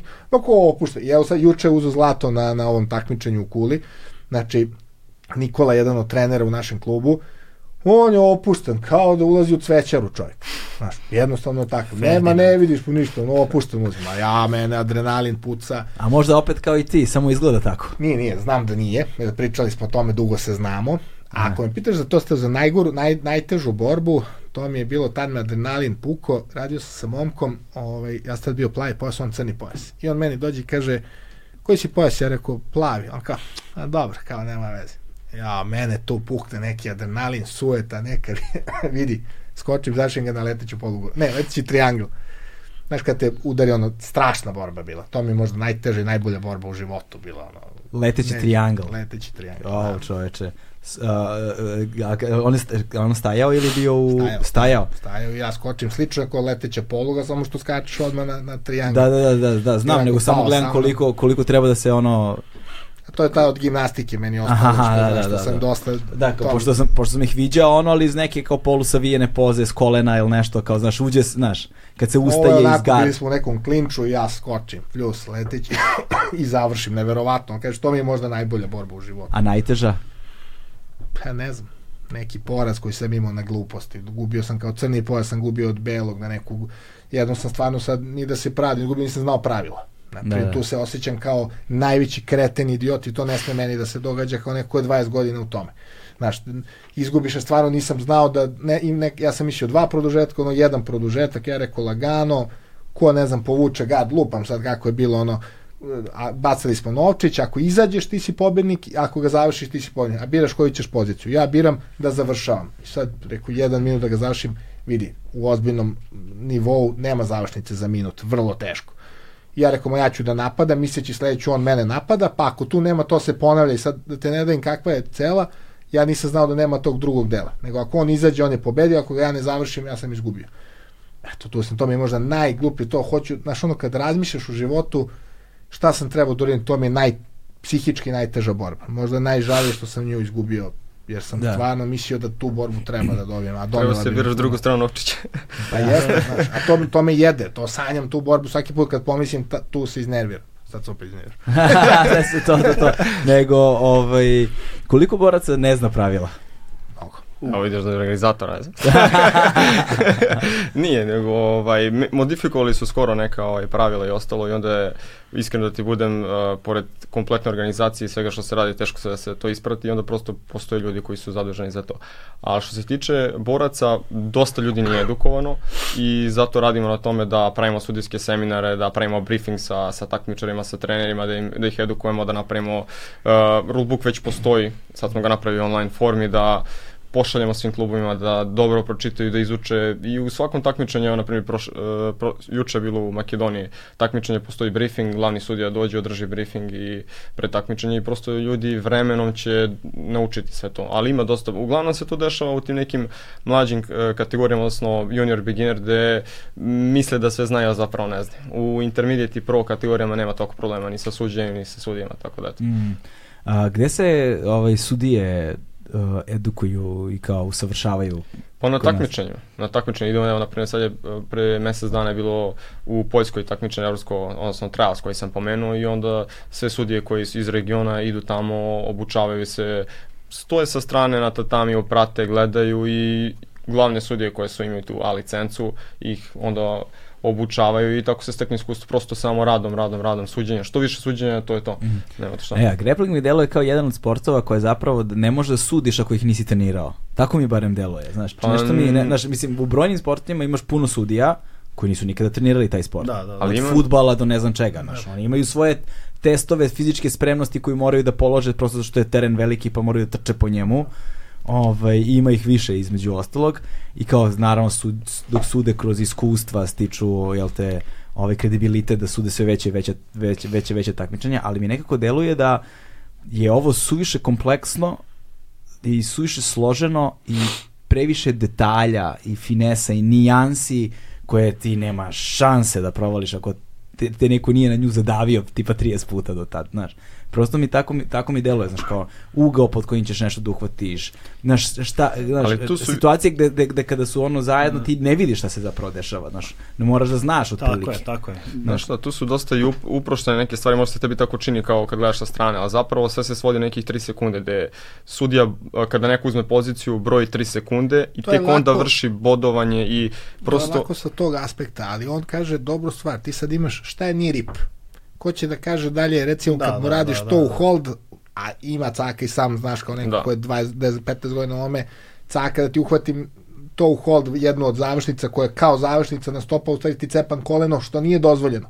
I to sada da pokažeš, 100 ljudi da pitaš na ulici koji ne znaju koju polugu mu ja odrajem, 100 će kaže pa polugu na stopalu, odnosno na ovom zglobu, a nema veze s polugom na stopalu, poluga je na, na kolenu, na primjer. Da, zato je znaš. potrebno to iskustvo mora se- da. iskusan sudija da zna. To je ono što, mislim, Da, ne može Ako sam se, ma ne, mislim, da. daleko od toga da može svako da sudi, mislim, to je, ovaj, ali postoji dosta, dosta sudija, na primjer, koji nisu neki visoki pojas, da kažemo, graduacijski, ali prosto su u pravilima, prosto znaju, znaju to, posećuju takmičenja, u toku su i sa svim tim modifikacijama i sve ostalo u materiji i da. onda... Pa dobro, da, ali ne, to kao, znači, ne mora čim, nužno čim, da, da čim ima znači... neki pojas, znači da je trenirao, znaš, Da, to, ho- da. to hoću Dobro, da kažem. ne može je, pojas pa, svakako, da. plavi i tako dalje, ali iznad toga već uh, ukoliko uđu u, u tu materiju mogu da nauče. Mislim, nije to neki, to je isto posao koji svaki drugi koji se nauči. Da, pa da, za- zato mi je zanimljivo, zato što čini mi se da je ovo jedan od onih koji nema šanse da sudiš ako, nisi, ako nemaš Pa iskustvo u kon- konkretno za naše takmičenje, ovaj, e, isto jedan od organizatora, spomenuo sam ovaj Aleksandar Pavić, on nam je glavni sudija, ovaj, on je već radi edukaciju naših sudija, koji će biti prisutni, koji će suditi na našem takmičenju. Mhm. E, ovaj, I to su sve već momci koji su duboko u materiji, znači uvijek treniraju i pokazani i dokazani takmičari i tako dalje. Ovaj, I oni svi imaju tu dosta iskustva, ali opet na sve to opet kažem, ovaj, uvijek ima prostora gde treba nešto da se nauči. Jer drugačije su pravila od organizacije do organizacije. Znaš, ne, tako da ne znam šta se još postoji, mislim, često se i menjaju pravila. i, i da, i tu, Da, da. pravila pre 10 godina kad sam ja radio i sad, nema veze jedno s drugim, potpuno različito. Ti imaš sad, posljednjih godinu dana da se pet pravila promenilo. Treba to ispratiti, to mora budeš u materiji, što on kaže, znači Da, mora da, sudija da, da. bude Mora budeš stalno u u toku, tome. da. Da, Da, sad Da. sam video da postoje i ova submission only takmičenja, znači postoji tako nešto kod nas. Postoji, postoji, mislim da... Subhunters. Da, Subhunters je ovaj... Šta, šta, šta? s- Subhunters je organizacija Aha. ovaj, i to je zapravo jako, jako dobro isto za promociju sporta. Zato što se profesionalizuju a, takmičari. Odnosno stvara se, kao što UFC stvara svoje borce, stvara se brand od ljudi, od takmičara. To je upravo i ono što mi želimo da radimo u narednom koraku sa, sa ADCC organizacijom, da se naprave a, prosto da se da ti borci koji se takmiče u grapplingu da budu poznati. Znači, i onda na sve to da, da se prave dodatne te To organizacije kao što su... invitationi, Da, ima recimo taj Subhunters, to je organizovao ovaj dečko što sam ga pominjao, Nikola, ovaj, koji nema ni malo treme, što sam rekao za njega, inače jedan od naših trenera, i ovaj, njegov kum Deki, isto momak u, u sportu godinama, i napravili su jedan od prvih tih bilo je, mislim, par nekih pokušaja. Prvi koji je stvarno zaživeo i da kaže da svi znaju da su ljudi sad moraju da dobiju invitation, znači moraju što on kaže da budu prepoznati u zemlji kao dobri grepleri da bi osam najboljih radilo taj submission. I po prvi put su i neke ne neke ogromne nagrade u, u odnosu na ne znam druge sportove, ali ok, nagradu neku nešto novca dobiju neku kartu ili nešto sad ne znam tačno ne mogu se setim, ali i to igra sad već neku ulogu, tako da definitivno ide na gore, znaš, ima taj Subhunters se zove, gde prvo je bilo po timovima, Mm. a sad su već i napravili kao individualni da, da se takmiče. Evo, Sad je bilo i u Novom Sadu je bilo pre Da. Isto je organizovao Ivan Jurković. Je to bio Subhunters? Jeste, jeste? jeste. Mislim, Jeste. e, Nije da, only, da, da. to ste kažem. A, ovaj, Tako da ima. koli, da, koliko, koliko je velika publika za, za, za jedan ovakav sport i za, jedno, za ovakav takmičenje? Pa možda ne još dovoljno velika, ali mislim da će u budućnosti biti još veća. Da. U smislu, a, Diplomatski. pa, Da, vrlo, vrlo, vrlo opšte mesto, znaš. da, ovaj, pa znaš šta, mislim, generalno, a, priča je Vuk kako se izgledalo takmičenje ranije. Znači, ono, postave tatami, podele se par plehanih medalja i to je to. Ono, kao malo se porovate, idete kući i svako svima lepo i to je to. Mi sad to menjamo, u smislu da sve se to, a, da se postavi neki aspekt malo profesionalnosti, izrada nekih akreditacija, izrada profesionalnih medalja, a, TV produkcija bit će, inače, takmičenje će biti prenošeno, prenošeno na Arena Fight kanalu 18. u 7 časova je uživo TV prenos i prosto onda sve to, sve to ima jednu... Dobar, mar, e, dobar marketing, naravno. U, sad je zanimljivo, kao ako će, to, ako će da ima TV prenos, ko će da budu komentatori? A? Organizator. Posle će mi To je, da, da, da, da, da. Ako si zainteresovan. Dobro si, dobro si podsjetio. Da. Mislim, zato što Ne, ne, ne, ovaj, e, komentatorska pozicija u ovakvom jednom sportu je vrlo zanimljiva stvar, Jeste. znaš. Ovaj, posebno što sam ja pokušavao da gledam recimo onaj flow, flow grappling i tako dalje, neke njihove takmičenja. Brate, koliko brzo prepoznaju situacije dok ti između dok ti istovremeno obaveštavaju o toni drugih stvari, znaš. Tako da a, jer posebno kad gledaš te likove toliko toga se desi u sekundi, ti ne možeš da prvo da prenosiš, možeš, znači nije, nije zahvalno za prenošenje jer ono 300 stvari se desi u 10 sekundi, ti ako ukačiš 17. deo toga, ono, da preneseš, da izgovoriš, ne možeš prosto fizički dovoljno brzo da izgovoriš Koliko se brzo šta, koliko se mnogo, brzo mnogo dešava. je zanimljivije publici kad imaš komentatora koji zna i koji će ti te neke, kao Formulu 1 kad gledaš, ili kad, ja sad kad gledam, da treba da gledam ceo turnir, sto nekih borbi grapplinga, ma idi to, meni je to dosadno, zamisli neko ko nije u tome. Da, da. A kad imaš zanimljivog komentatora, pa ti kaže šta se sprema, pa to bude, to bude pet To puta će zapravo biti samo 10 najboljih borbi. Da, mi Znači, radimo to je samo pro. Samo pro i to ono što sam rekao malo pre, znači profesionalizacija uh, i ljudi, i stvaranje brenda od njih i tako Ko su dalje. trenutno najbolji grepleri u Srbiji? Pa to To, smo baš nešto sad- i gledali, ovaj, ali kao grepler. Hm. Na primjer, prošle, prošle godine najbolji borac koji je osvojio, da kažemo, titul najbolji borca bio je Ognjen Babić iz Cardušan Silni Novi Sad. Ovaj, vidjet ćemo ko će biti ove godine. Mhm. Tako da eto. Ali i pored toga postoji još brdo, brdo poznatih i popularnih. Ima Boraca. mnogo, ima mnogo greplera, znaš sad, mislim, ali ne znam, konkretno si pitao za kod nas, za ADCC, što je kod nas ko se pojavljaju Da, da. od najboljih. Pa ko je bio beše, ja i ne, ne mogu se setim ovaj, uh, u apsolutnoj kategoriji u pro, Nije bila apsolutno. nije bilo prošle, pro, prošle godine. Apsolutna kategorija je zanimljiv fenomen. To mislim da ne postoji u drugim To boračkim je, to je sportovima. najjača stvar. To Da, je, e, baš, ajde objasnite sve lepo, št- kako, kako funkcioniše takmičenje do, jednog, do, do, do toga i kako funkcioniše taj apsolut. Pa evo, kao jedan od uvek učesnika apsolutne kategorije, ako to ne deluje tako stvarno. Ovaj, pa zapravo ti imaš podeljeno prvo po divizijama, ono što sam napomenuo i po tim težinskim kategorijama, ne znam, od 60 do 65, 70 i tako dalje, i sve tako do, do plus 100. I onda najbolji borci, odnosno osvajači prva tri mesta, imaju prava da se prijave za apsolutnu kategoriju, za tu diviziju, ne znam, beginner, intermediate ili professional. Ovaj, I onda se pravi žreb na osnovu toga i može da zapadne borac koji ono, ima minus 60 sa plus 100 da radi. I tu je ono se dobije baš zapravo ko je najbolji od svih. Da, znači taj apsolut je zapravo, za- zapravo apsolut je pobednici, jel te, svih kategorija. A, Ako hoće. Ako, Ako ako, hoće. ako, hoće, mogu da uđu A. i da, ono, ne, zapravo tu više nema kategorija. Nema težinske kategorije. Da, da, nema nema, težinskih ne mora samo pobednici, prvo tri mesta mogu da se I prijave. tu svašta sigurno Da. ima da se vidi. Tu ima, da. baš ima da se vidi. Jo, čoveče, to sad, ja, sad, ja samo zamišljam kako izgleda ono, ne znam, pritisak u kesa gatame, razumeš, kad te dovoti neko sa koje 130 kila. 60 kila teži od tebe, znaš.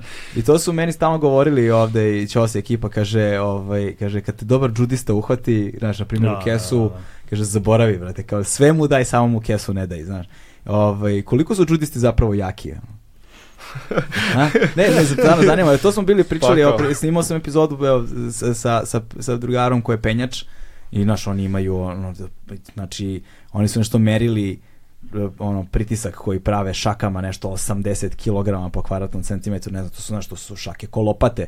Ti vidiš njima da su oni mišići na prstima nabildovani, da, da je nesrazmerno velika šaka u odnosu na... Ja na se, ja, se, ja se nadam da ćeš ugostiti Aleksandra Kukolja, ovaj, našeg olimpica i judistu, ovaj, da, ti, da ti možda objasni bolje Uživo, kako oni uživo. rade tu bazu i Da. treninge snage. Mislim, to je na nekom bolesnom nivou. Vidi, Jako su- raste kao sport i grappling, raste i stvarno se razvija i sve više ulazi profesionalizam, što je Brekić rekao, znači stvarno ima toga sada. Ja sam pre par godina bio sa, imao sam čast da sa Kukoljem odem tri nedelje na pripreme na Belmeken. To je, uzeo sam tri nedelje odmora, posle kaže svi ludaci odu na more s odmora, ti odeš tri nedelje sa šest ludaka da treniraš, to je na 2,5-3 hiljade metara otprilike, nešto možda malo manje, Gde? U Bugarskoj Ok. olimpijsko selo, odnosno to je olimpijska baza, nije selo, nemaš ništa. Znači, to je samo ta baza.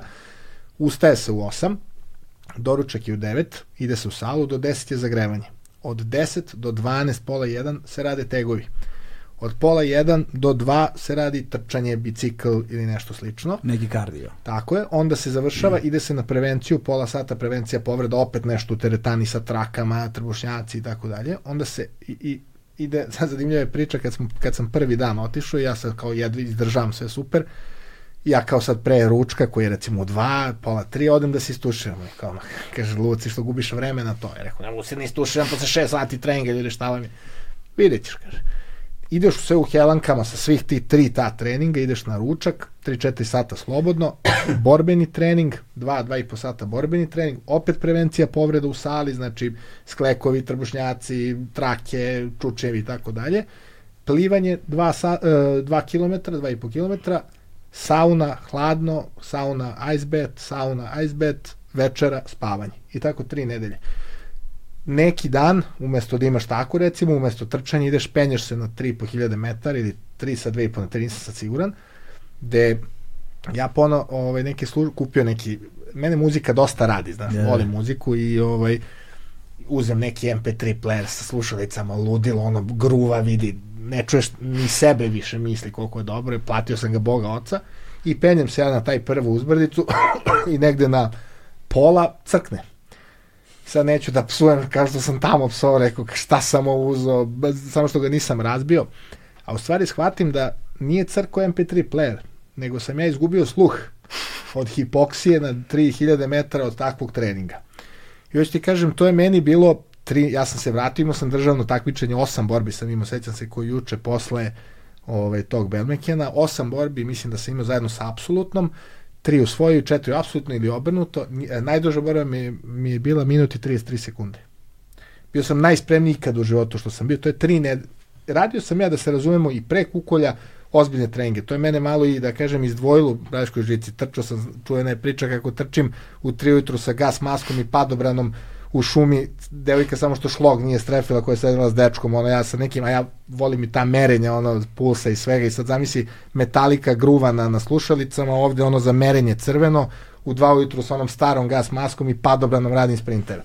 I hoću da kažem, ne pričam to da bi se hvalio kako su mi jaki trenzi, nego bio sam u ozbiljnoj formi. I onda sam otišao sa šest džudista, od koga je jedan Aleksandar Kukolj, evropski šampion, prvi na svetskoj rang listi, ne, najbolji, znači možda ikada sa, zajedno sa Majdovim, ajde da kažem, ali čovjek je godinu dana bio prvi na svetskoj rang listi, to ljudi ne shvataju u rangu Novaka Đokovića, ne znam šta bih rekao, koja je to veličina sportiste. E, Mrvaljević koji je bio drugi na svetu, medalja srebrna sa svetskog prvenstva, par još momaka džudista tu olim, ovaj, koji su isto ovaj, u državnom timu i tako dalje. Državni tim gde imaš Kukolja i Mrvaljevića sigurno nije, nije poveo loše hoću ti kažem. I onda vidiš te tri nedelje sa njima, da je to njima svaki dan skoro tako. Oni tu završe posle tri, te tri nedelje, opet smo Kukulja zajedno išli u Brazil mesec dana. Pa se ja vratio kući i odmaro, a on je opet otišao na Belmekin tri nedelje. Hoću ti kažem, to ne može da ne da neverovatne rezultate. I ta posvećenost ne može da se shvati ukoliko nisi to video kako to izgleda. Često volim da ispričam priču da smo dizali, nabačaj smo radili i recimo 100-110 kila, mene trepavice bole 7. i 8. dan, upala svega, ne možeš da veruješ, ja sam mrzeo te ljude tamo u tom trenutku. Znaš, valjda, bol svega, e, iscrpljenost, neverovatna, ja bih rekao, ali sam izdržao svaki trening. Radi nabačaj i posle 25. puta, znači nije to teretana sat vremena, to je teretana 3,5 sata. Posle 25. neuspeha da digne taj teg, jer je on valjda i premoren i velika je kilaža i tako dalje, svaki put blizu je kukolj i spadnem u teg. Najveći, najgori vrisak u životu koji smo kakve histerične žene, kad nije uspeo da nabaci tih. Ja mu kažem, druže, sutra ćeš da nabaciš i ako smo svaki dan 4 sata ovde. Njega je to toliko iznerviralo. Dok nije nabacio i zabio u plafon tih 110 kila, on nije izašao odatle. I tad sam ja, nije on to mora meni da objašnjava, tad sam ja shvatio šta znači biti Aleksandar Kukolj, svetski džudista i trenirati tako profesionalno. On dok na nekom treningu 15. dan od 30 nije izašao iz te sale dok nije uradio to što je trebao. Da. I po, znači, ne mogu ti opišem koja je to psiha. Evo sad sam se naježio kada o tome pričam. Da. Ovaj, to treba da vidite. To je profesionalizam. Posvećenost. Posvećenost A nije to samo profesionalizam, znaš, mnogi ljudi su profesionalni, ali onda odrade samo onoga što je u granici tog profesionalnog, znaš, ne, znaš, ovo mi deluje da pored profesionalizma on odlazi ono tri koraka dalje. Pa probijaš granice. Da. Znaš, probija probijaš, da, granice. znaš, probijaš Da. granice i to koje granice se, znaš, nije to samo fizička granica. Pa za, za takve ljude se kaže da nemaju granice. Znaš, Sky is the limit. Da, jer to i Bruce Lee čak jednom izjavio da u životu su sve ovaj, stepenice, znaš, Mm. samo ideš sa jednog na drugi.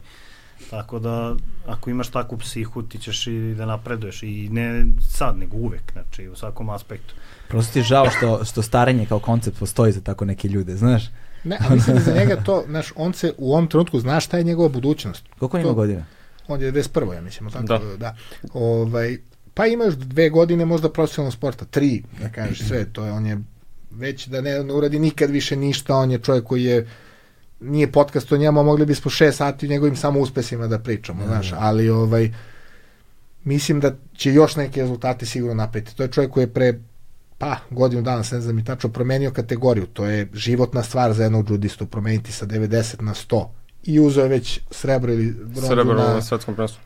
na svetskom i na Grand Prix je uzeo ono, pazi, do pojave kukolja uzeti, proći prvo kolo na Grand Prix ili na nekom takvom takmičenju je bilo nezamislivo, kao u čoveče, radiš protiv Rusa, kao nemoj ni da se prijavljuješ, znaš. Da, da, On je čovjek osvojio nebrojeno Grand Prix. U, u Japanu, koji je u rangu, pa, kažu jači od svetskog, zato što u jednoj diviziji može da budu četiri zemlje koje je domaćin.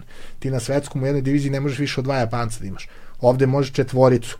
On je bez trenera tada otišao i osvojio prvo mesto u Japanu, bez trenera, kaže, razmišljamo, flaši, svaki put, kaže, kad pijem vodu, moram novu flašu da mi ne bi nešto sipali. Čoveče, a ovaj Japanac, iza njega osam drugih Japanaca koji su bili svetski šampioni. Zamisli njihovo iskustvo, a zamisli njega koji bez trenera, i možda i bio s trenerom, sad ne znam, ali tipa nešto je bio, tim nisu svi mogli da dođu, on sam vodi računa koju vodu pije da. i uzme zlato. A Japanci Prvi se ko je put- gori od koga. mislim da Sve je osam- ubice. Šta kažeš? A Japanci rekao se ubice, Pa, ne se mislim, ko je gori. kolevka ali judo mislim, je to Japan. ono, Da, da, da, mislim, Tehnika na visokom Naravno, nivou. da, veliki broj zapravo bolačkih sportova dolazi odatle, ono. Iz Japana? Pa da. Pa brazilska odatle potekla. Mislim, Da. modifikacija. Da, modifikacija. A brazilska žica je isto što i judo, samo izvorni judo. Zato Da. nije toliko zanimljiva. Judo je zbog e, atraktivnosti sebe, da kažemo, sakatio, one, da ne bude da ih ne, ne pričam ništa protiv, nego jednostavno je brazilska jiu je onako kako se judo radio pre, ne znam, možda hiljadu godina. Mi sad kao smisli smo novi sport. Ne, svaka tehnika koja postoji u brazilskoj žici postoji u judu. Sad ajde neke nove, da kažem, te nove, možda malo da. drugačiji naziv i tako dalje.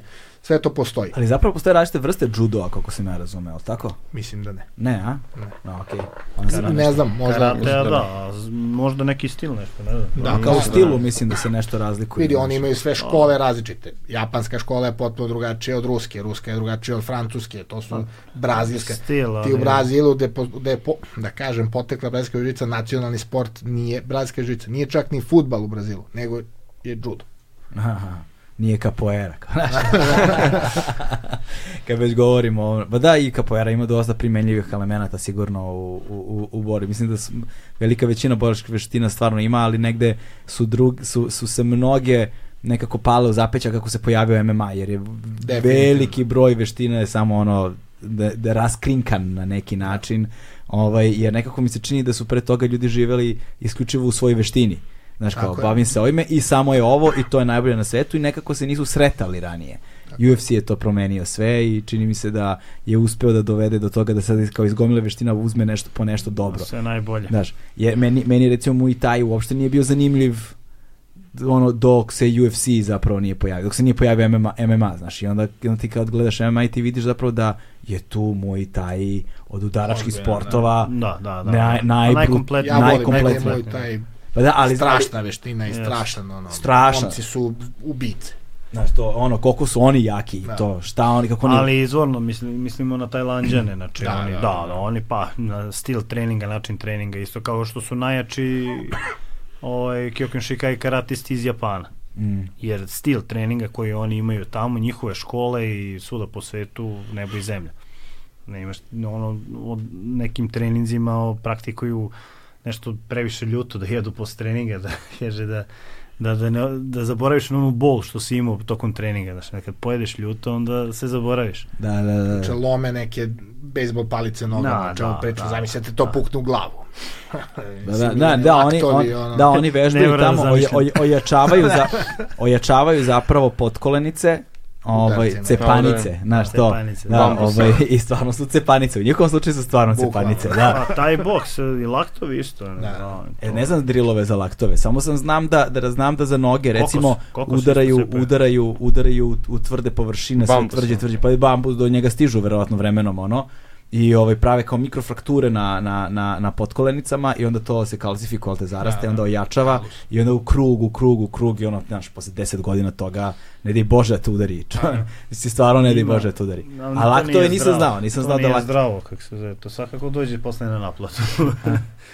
Ne znam, verovatno, ovaj, to sam gledao kako vežbaju. Gledao sam čak i Kyokushin borci, to slično Da. rade. Ovi, e, de, ja da sam trenirao sportski centar Vračar kad sam počinjao živicu kod Žerijala, ovaj, pre nas su imali Kyokushin Jitsu se zove. Što ti kad kažeš Kyokushin Jitsu, pomislio bi opet neki Aikido. to su bre ozbiljne zveri ljudi, na šta oni rade? Oni imaju primese svega, možda su malo rasplinuti, pa dok ne dođeš do nekog majstorskog zvanja, verovatno to nije tako savršeno, ali ja sam gledao uvek majstorski trening je bio pre nas. Njih desetorica uvek isti, oni su, uzmu, e, bilo neko kao neka greda, pa debljine ko ovaj sto, znači ima jedno desetak santimetara, oni su i sve snage udar e, ovim dlanovima i ovim, da kažem, spoljašnjom stranom udarali, o to, to puca, kad njih desetorica udaraju, vidi, ne da možete puknu u glavu time. Jer ja, ja sam probao par puta, ono kao kad oni izađu, ja kao malo udarim, o! Da, da, da. Šalio sam se. Da, neverovatno, oni pu, puknu to i sve snage, ono, puca kao bejsbol palicom Stvar da udara. Stvar treninga. Pa kao i sve. Jel koristite gume? Za zube ili? Da. za plivanje. za plivanje, da, da. Šlauf. Ne, mislio sam ovo za, za grevanje, ovaj, pa na treningu ne, ni na sparinzima ne. Mislim, radio kad se radi MMA, onda sam tad koristio. Ja, misliš da li je podrazumevano za bog takmičenja Pa ili generalno? ostalog, Pa, mislim, da, opcionalno. Pa opciono je, da. Da. Pošto evo, ti znam da ne koristiš, da ne, možeš da ne, koristiš. ne, Ne, Probao sam hiljadu puta i zadnjih 10 godina nisam ni jedno. Ne, ne mogu, jednostavno ne mogu da dišem. Što ti kažeš, uhvati me. Ja nemam taj recimo anksioznost od kad mi dođe neko veći, to, to nisam imao, a kad vidim da nemam vazduha od gume, odmah sam je bat, zavr, završi u, u, u ćošku prvi trening čime stavim, tako da... Da, da, da, da, nisi se navikao nikad ne, da ne, dišeš. nikad, da. nikad. E, jesi imao problema sa zubima i vilicom Nikad stiskanja? nisam imao. Ništa, a? Nikad. Ja jesam. Srećom. Ali ti si izgleda problematičan ovde za stolom, znaš. da, nisam. Samo sam tako delao. Ovaj, u principu, ovaj, ja sam od ceo život u borilačkim veštinama i onda naučio sam se da, da se ne, eksponiram na taj način, da se ne hvalim da od ono, mislim, nemam nikad nikom šta da dokazujem, uvijek sam dokazivao sebi ako sam imao nešto. Ovaj, za sam ADCC, uh, da bi se neko prijavio, uh, pošto kažeš da postoje kategorije, tipa mo, imaju početnici, uh, do kog pojasa ili do kog, kako, kako se to meri? Pa uglavnom početnici tu su do belog pojasa, posle Svi su- intermediate već posle ide plavi, ljubičasti, Aha, e, e, sad, međutim nismo- ima to ni- mogućnost To, izvini, sekund, to nismo objasnili pojaseve u, u grapplingu, odnosno u brazilskoj jiu-jitsu. džiđici, pa imaš beli, plavi, ljubičasti, browni, crni, i posle ima dalje, ono, instruktorski i tako dalje. Da. Ok. O, A, a kako, kako, kako se napreduje kroz pojaseve? pa koji u sistem? brazilskoj džiđici pa prosto trenzijom, vremenom. Ili ima neki kriterijum kao je sad, kad ispuniš ovo, više nisi beli. Pa mislim ima, po- postoje neka kao navodno, mislim ima lju- ljudi koji organizuju polaganja, ali mislim da se sve to vremeno stiče Mhm. i da je to čisto ono da kažeš promotivno, da je neko dobija, Ja, video sam da se dele oni strajpovi neki, šta ti ja znam, znaš. Trakice. Trakice. Pa to je za, na primjer za neki doprinos u smislu ako neko vidiš da se trudi, da je motivisan, mislim, ne, da osvoji neko takmičenje, da može da, ako vidiš da to je nivo, onda dobije stripe, četiri stripa, dobija Sledeći je pojas. Da, da. To zavisi dosta od škole koje mi recimo nemamo u mom klubu, nema strajpova, mi odmah idemo na sledeći pojas. Nikad niko nije pao na polaganju, ali zašto? Ne zato što je polaganje, da kažeš, stvarno se organizuju i komisiju i tako dalje, ali neće doći niko na polaganje da ja nisam siguran ili drugi neko od trenera da je on zaslužio sledeći pojas. Mm. Uglavnom se gleda za razliku od drugih sportova, da ti vidiš sad u nekim sportovima, skoro sam se smeo, gledali smo neke sale i sad čekamo, Burazer i ja, da se završi neki trening da bismo pitali koliko je iznajmljivanje neke sale. Izlazi dete, pa ako ima 7 godina i nosi brown pojas i nosi neku strunjaču veću od devojčica u pitanju, od nje, i, o, i ne zna gde, gde treba da odnese strunjaču i kaže meni Burazer, evo kaže, da bi, kad bi znala gde treba nositi strunjaču, bila bi crni pojas. Da. Ali 7 godina brown pojas, mislim, to Da, nije nešto nije realno. u redu. Brazilska živica je zadržala taj, da kažem, sistem da je teško doći do pojasa, stvarno teško, ali polaganje je čisto pro forme i neki deo da se i ti osetiš da si nešto uradio, da je to neka kruna u tom trenutku i tako dalje, ali sve mi znamo, ja znam kako ko diše. Znači ja s Brkićem radim, možda sam ja tu stariji po vokaciji neko, ali ja s njim radim 10 preko, i s njim preko 10 godina svaki drugi dan trening. Pa znam sve šta zna i on zna sve šta ja znam. Da, da. Znaš, I znam da kada dođe neko, ako on sad treba da polaže za crni, a dođe, znam da se neće obrukati ako radi s njim. Znaš, jednostavno jer znam šta zna čovjek, ne samo da demonstrira, nego posle iz hiljada sparinga ja znam sve šta on zna. Da, kako se stiče pravo na polaganje? Posle koliko? Recimo, pošto, rec, ne znam, kod, kod Ćosa, na primjer, kod Ćosa, na primjer, taj judo sistem pojaseva. Da, da. Pa ide uh, beli, ž, Žuti, žuti, naranđasti, zeleni. plavi, uh, Brown. brown, pa Brown, crni, crni. tako da nema ljubičastog, na primjer, i ne znam, znaš, i onda primetio sam da ovaj, u, u, u, u jiu-jitsu klubovima ljudi dugo nose beli pojas, recimo, naš, značajno duže nego što je u ovom slučaju. neki prosek kod nas u klubu je otprilike dve godine. A ti sad imaš čovjeka koji za dve godine dođe dva put na trening, neće dobiti. A imaš nekoga koje je dve godine pa radi dodatne treninge, pa se takmiči, pa ide, pa dolazi. Mislim, to sve ti prepoznaš i to je, ja mislim, stvar koju trener treba da vodi. I onda je tu neki prosek je dve, dve i po godine po pojasu. Ja sam recimo tri godine bio beli, ali sam bio sedam, šest i po godina sam bio plavi, na primjer. Tako je se zalomilo. Ne zato što nisam trenirao daleko od toga, nego je drugačije bilo, nisam bio spreman, trener je mislio da nisam spreman, što možda jeste psihički, ne možeš ti samo fizički da budeš. Sve sam osvojio što je postojalo u tom trenutku i bio sam ljut što ne dobijam pojas. Svi oko mene dobili pojas, ja odem na takmičenje, završim crnog pojasa i ne, ne zaslužujem ljubičasti pojas. Mene je to bolelo, a tek sad shvatam da je to bilo ono što treba Da. da ja treba da se nađem, da shvatim da nije samo tehnika, snaga i 100 takmičenja koje sam osvojio bitno da bih išao dalje. To nije bilo bitno. Bilo je bitno da ja u glavi budem taj pojas. Da Znaš, i sazriš to je isto čovjek, bitno, da mora sazriš. Do tog plavog se najteže stiže zapravo. Ja sam nosio beli šest godina. Ali posle toga išla brže, da. To je toga, da. Zato što verovatno postoji određena vrsta pritiska ono staviti pojas na sebe, znaš, posebno ukoliko se ideš na open metove po drugim klubovima, znaš. A ljudi se malo možda više i zaluđuju sa tim pojasima, znaš, ne mora nužno da znači da je pojas a, Merilo. merilo Tako znanje, je. kvaliteta. Mi dosta, mislim, ja bar kažem da je pojas samo drži gaće. Pa to što da- Vuk rekao, taj put mora da postoji, da čovjek sazri da bi mogao da nosi taj pojas. Mislim, Ali pojas kao pojas, što kaže Peđa, drži gaće, znaš, a ti možda budeš crni pojas peti dan. Mm. I najde neko i ti sa, a sad će. I on uzme polosojno fapa Pa i ja ne razbije. skroz da Znaš. se, sa, sa tim da se složim. Definitivno ako si ti crni pojas peti dan, znaš ti nešto u tom sportu. Dugo si ti tu. Da, bre, Ali to nije dao bitno, primer što ti kažem, ja sam imao baš sa njim da mi je jedan momak došao i rekao, e, kao on je, treba dobije Brown, pa kao tu je tek, ja kažem, druže, taj čovjek je evropski šampion, o čemu ti pričaš, to što ga ti ne znaš sa takmičenja, kak je, mislim, da. čemu pričaš ti dalje? Čovjek bre organizovao klubove, takmičenja, tehniku demonstrirao, radio MMA, jedan od tri naša evropska, evropske medalje. I ti si našao ga pitaš kao, pa on nije dolazio, kao, zašto njemu kao pojas? Ko si ti da uopšte, taj više nije dobio pojas sledeće tri godine dok nije psihički on došao na stanovište da ne treba on tome da razmišlja. Hoću ti kažem, pojas ima svoju težinu, da se razumemo u bratskoj žici, nije to, ja ne gledam da samo drži gaće, ne zato što je, jeste to tako, naravno, ali baš zato što gledamo da ostane simbol nečega. Mm. Ne može da bude neko brown i crni pojas, a da nije da neću sad da budem vulgaran, ali i krvi, i znoja i svega ostavio na, na tom tatamiju. I borbi za sebe. Ne moraš ti da budeš. Ima momaka koji su sada kao crni pojasevi gori nego kad su bili ljubičasti. Sigurno. Ugojili se, manje treniraju porodica, posao i tako dalje. A su na tom tatamiju druže 20 godina. Da, A, znaš, ali je zato pre 10 godina bio u punoj snazi i osvojio evropsku i tako dalje. To ne znači da ona treba sad da bude crni pojas posle 20 godina.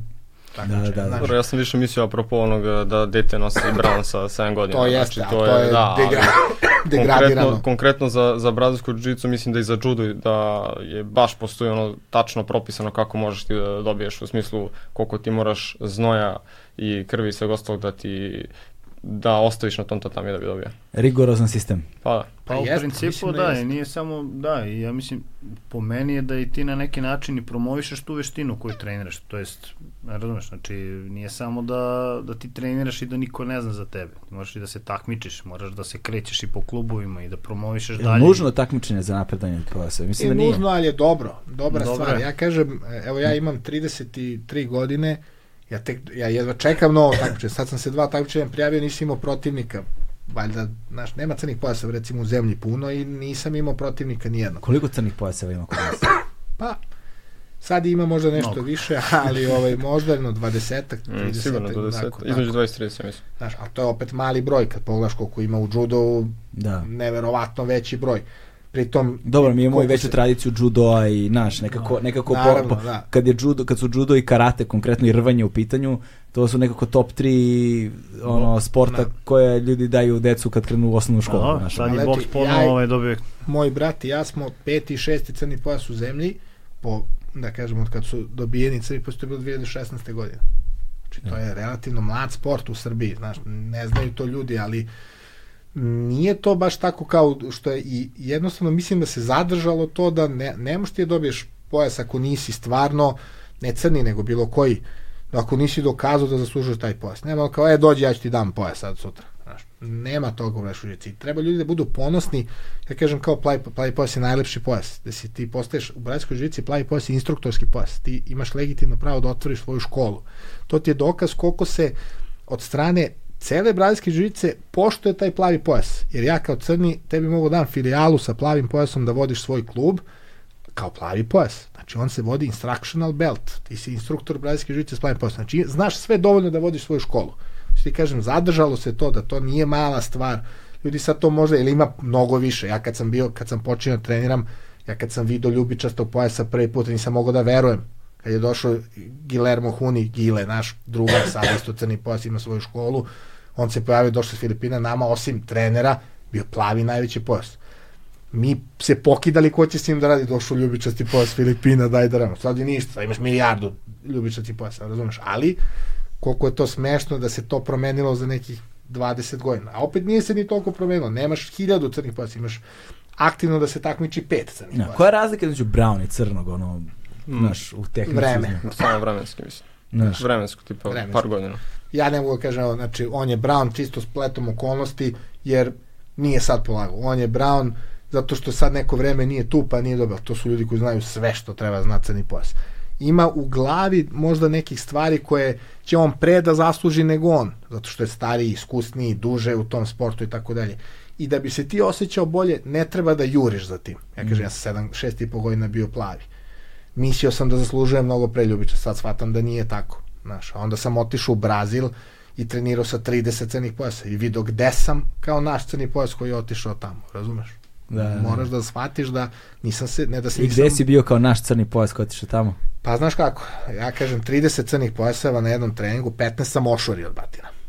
10 sam radio dobro, a 5 su me ošorili od batina. Znaš, bilo je, da radim sa jednim, ja sam ga zvao Gargamel, mu zapamtim ime neki, vidi ovo lika šaka. Kad me uvati, sine, kad me dovati, da me guši, da me davi, ja rekao, nemoguće. E, onda došao neki mali, pa je možda 60 kg, ima neki polu žuti kimono, znaš, on je rekao, sad ću sve da ti naplatim što me, kad me taj mali dovati, da, me ispreskako, najgore. druže, rekao, stavaj, posle mi kažu, taj lik dobio Marcela Garcia na ADCC-u. Marcelo Garcia legenda ADCC-a, čovjek koji je najbolji graper možda u istoriji. Ja kao sad mi je jasno, znaš, a svi se poređali da gledaju ovi ostali crni pojas. Ja rekao, sad ću da ga, a ja 100 kila, on 60. Sad ću ga lansiram u, u plafon. Nervozan što me ovaj prethodni razbio. Da, Ma, da, da, da. Ima stvarno, ali drugačije se radi malo nego kod nas. Tamo je sala puna 24 sata. Znaš, stvarno su, ipak je na mnogo većem nivou. Ti imaš 30 trening pojaseva u zemlji ovde, a tamo na, da tamo imaš na jednom treningu 40 nekad. Da, da. Jednostavno to iskustvo rađa da bude malo drugačije nego ovde. Znači svaka preporuka za odlazak na open metove u druge klubove. Apsolutno. a? I na Obavezno. takmičenje I obavezno. na takmičenju. Pa ne, pa mislim ovo baš što si rekao, da li, da, li, da li znači takmičenje? Mnogo znači. Zato što čak i ako si rekreativac, a, i ako si možda nisi ono da, da želiš da se profesionalno takmičeš, izađi i oprobaj se.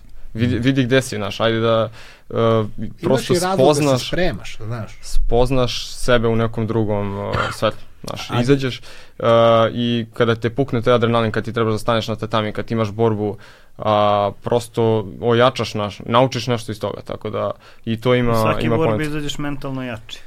Znaš, I čak i ako izgubiš. iskustvo. Tako Pa da, nebitno, tako da. Je, nosiš neko iskustvo sa sobom. Da. Nešto što ćeš primeniti kasnije. Ok, ovaj, čekaj, ADC, ADCC se dešava bez kimona, tako? Samo, Da, samo mislim, je no ja, gi, jel tako? Po pravilima možeš ti da nosiš i, i kimono, možeš čak da obučeš i rvačke patike, znači ono ima sve, ono nije što sto Nisam to znao, može u kimono, a? Da, može, da. može. ali mislim niko ne dođe zato što ono, ukotiš ga u kimono zadaješ, razumeš, Da, da, nije, da. ovaj, Niko ne želi sebi da ono puca oteža, kolena. da oteža, da, da. Da, da. Ovaj, ali da, može i to, tako da.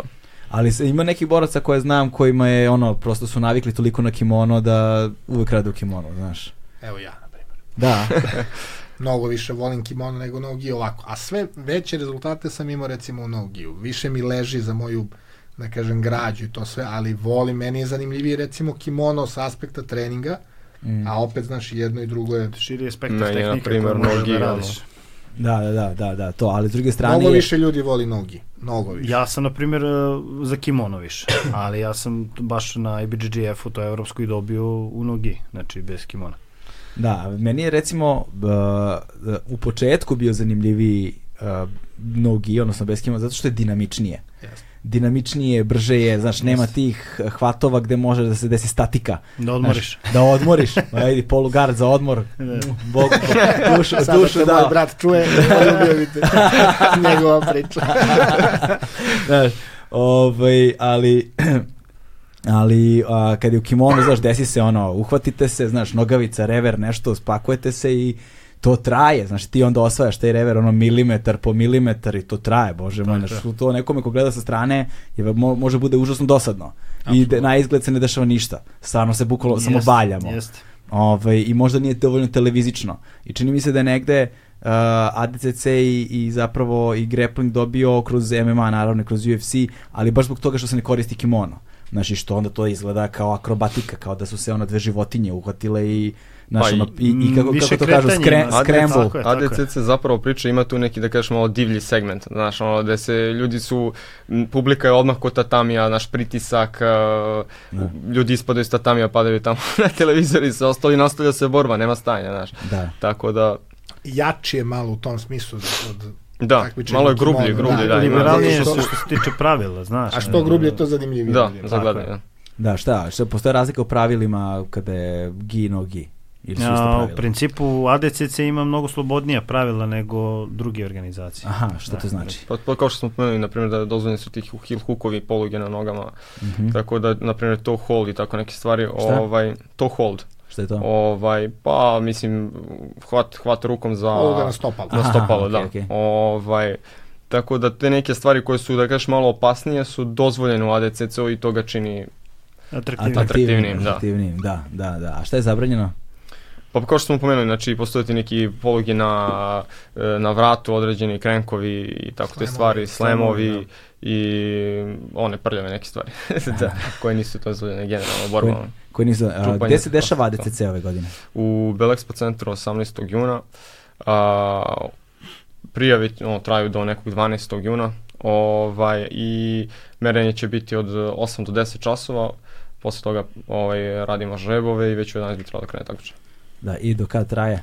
Do 10 uveče. Do 10 uveče i koliko očekuje oko 500 prijavljenih? Pa tako, prilike. Koliko je to borbi će da bude tog dana? a? Pa, dosta. A reci mi, takmičari plaćaju kotizacije ili kako se vi sad finansirate tu? Pa mi se finansiramo trenutno uh, od kotizacija, ali imamo i saradnju sa određenim sponzorima. Mhm. Ovaj, ako mogu ih pomenuti, Možeš, pomenuti. pomeni Da, ovaj, konkretno sad imamo potencijalnu saradnju sa Soccerbetom, radimo sa Doga štamparijom stala za nas, podržavaju nas Regrod Srbija, Coca-Cola, Leone. uh, Leone Balkan i tako.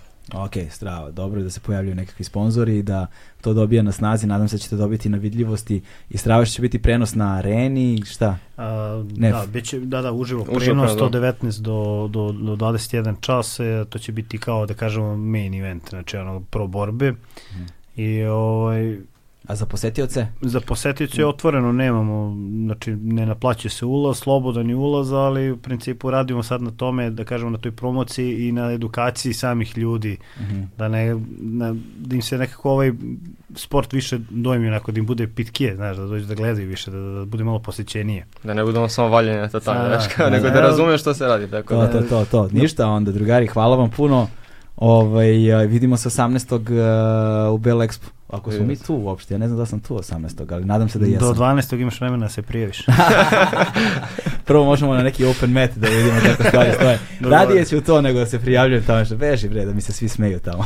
Ne, pa evo nama je prošle godine došao čovjek iz Irana čak. Mm. Iranac, e, ne znam, powerlifter nešto, mislim, onako, dele sitnije građe i, znaš, dele onako, e, nekako kao, Dobroćudno, da, da. dobroćudno, znaš, nije, Čovjek bre posle pogledao tamo, on bre diže neke kilaže, šta radi, znači četiri džaka cementa možda nosi u isto vreme i to ona stara po 5 50 kila.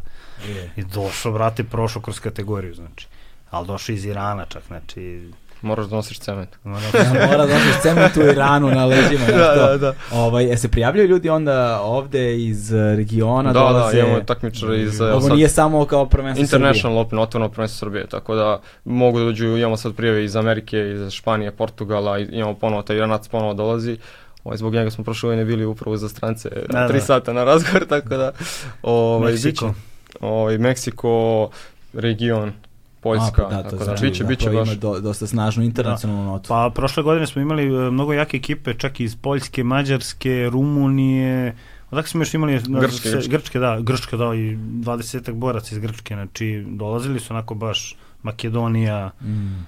Ovaj, Bosna. To znači zapravo to je su- baš je dobro poprište ono da se Da, testira da, nisu koliko dolazili, znaš šta da, znaš. da, Da, da. nisu dolazili samo pojedinci ko pojedinci, nego su se baš organizovali, ono, tako da dolazili su, ne sad kaže samo klubski, nego iz cele, kažemo, zemlje skupili se i dolazili su, znači baš je bilo, bilo je atraktivni, mnogo atraktivnih borbi. Da. E sad ove godine se nadamo naravno s obzirom na, na kompletnu organizaciju i na sve ovo što smo odradili do sada, očekujemo još kvalitetnije borce i još kvalitetnije borbe.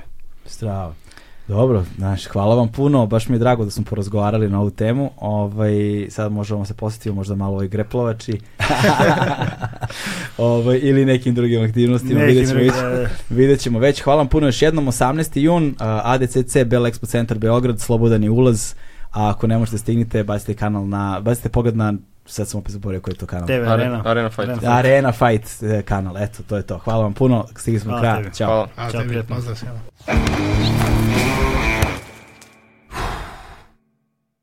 Hmm.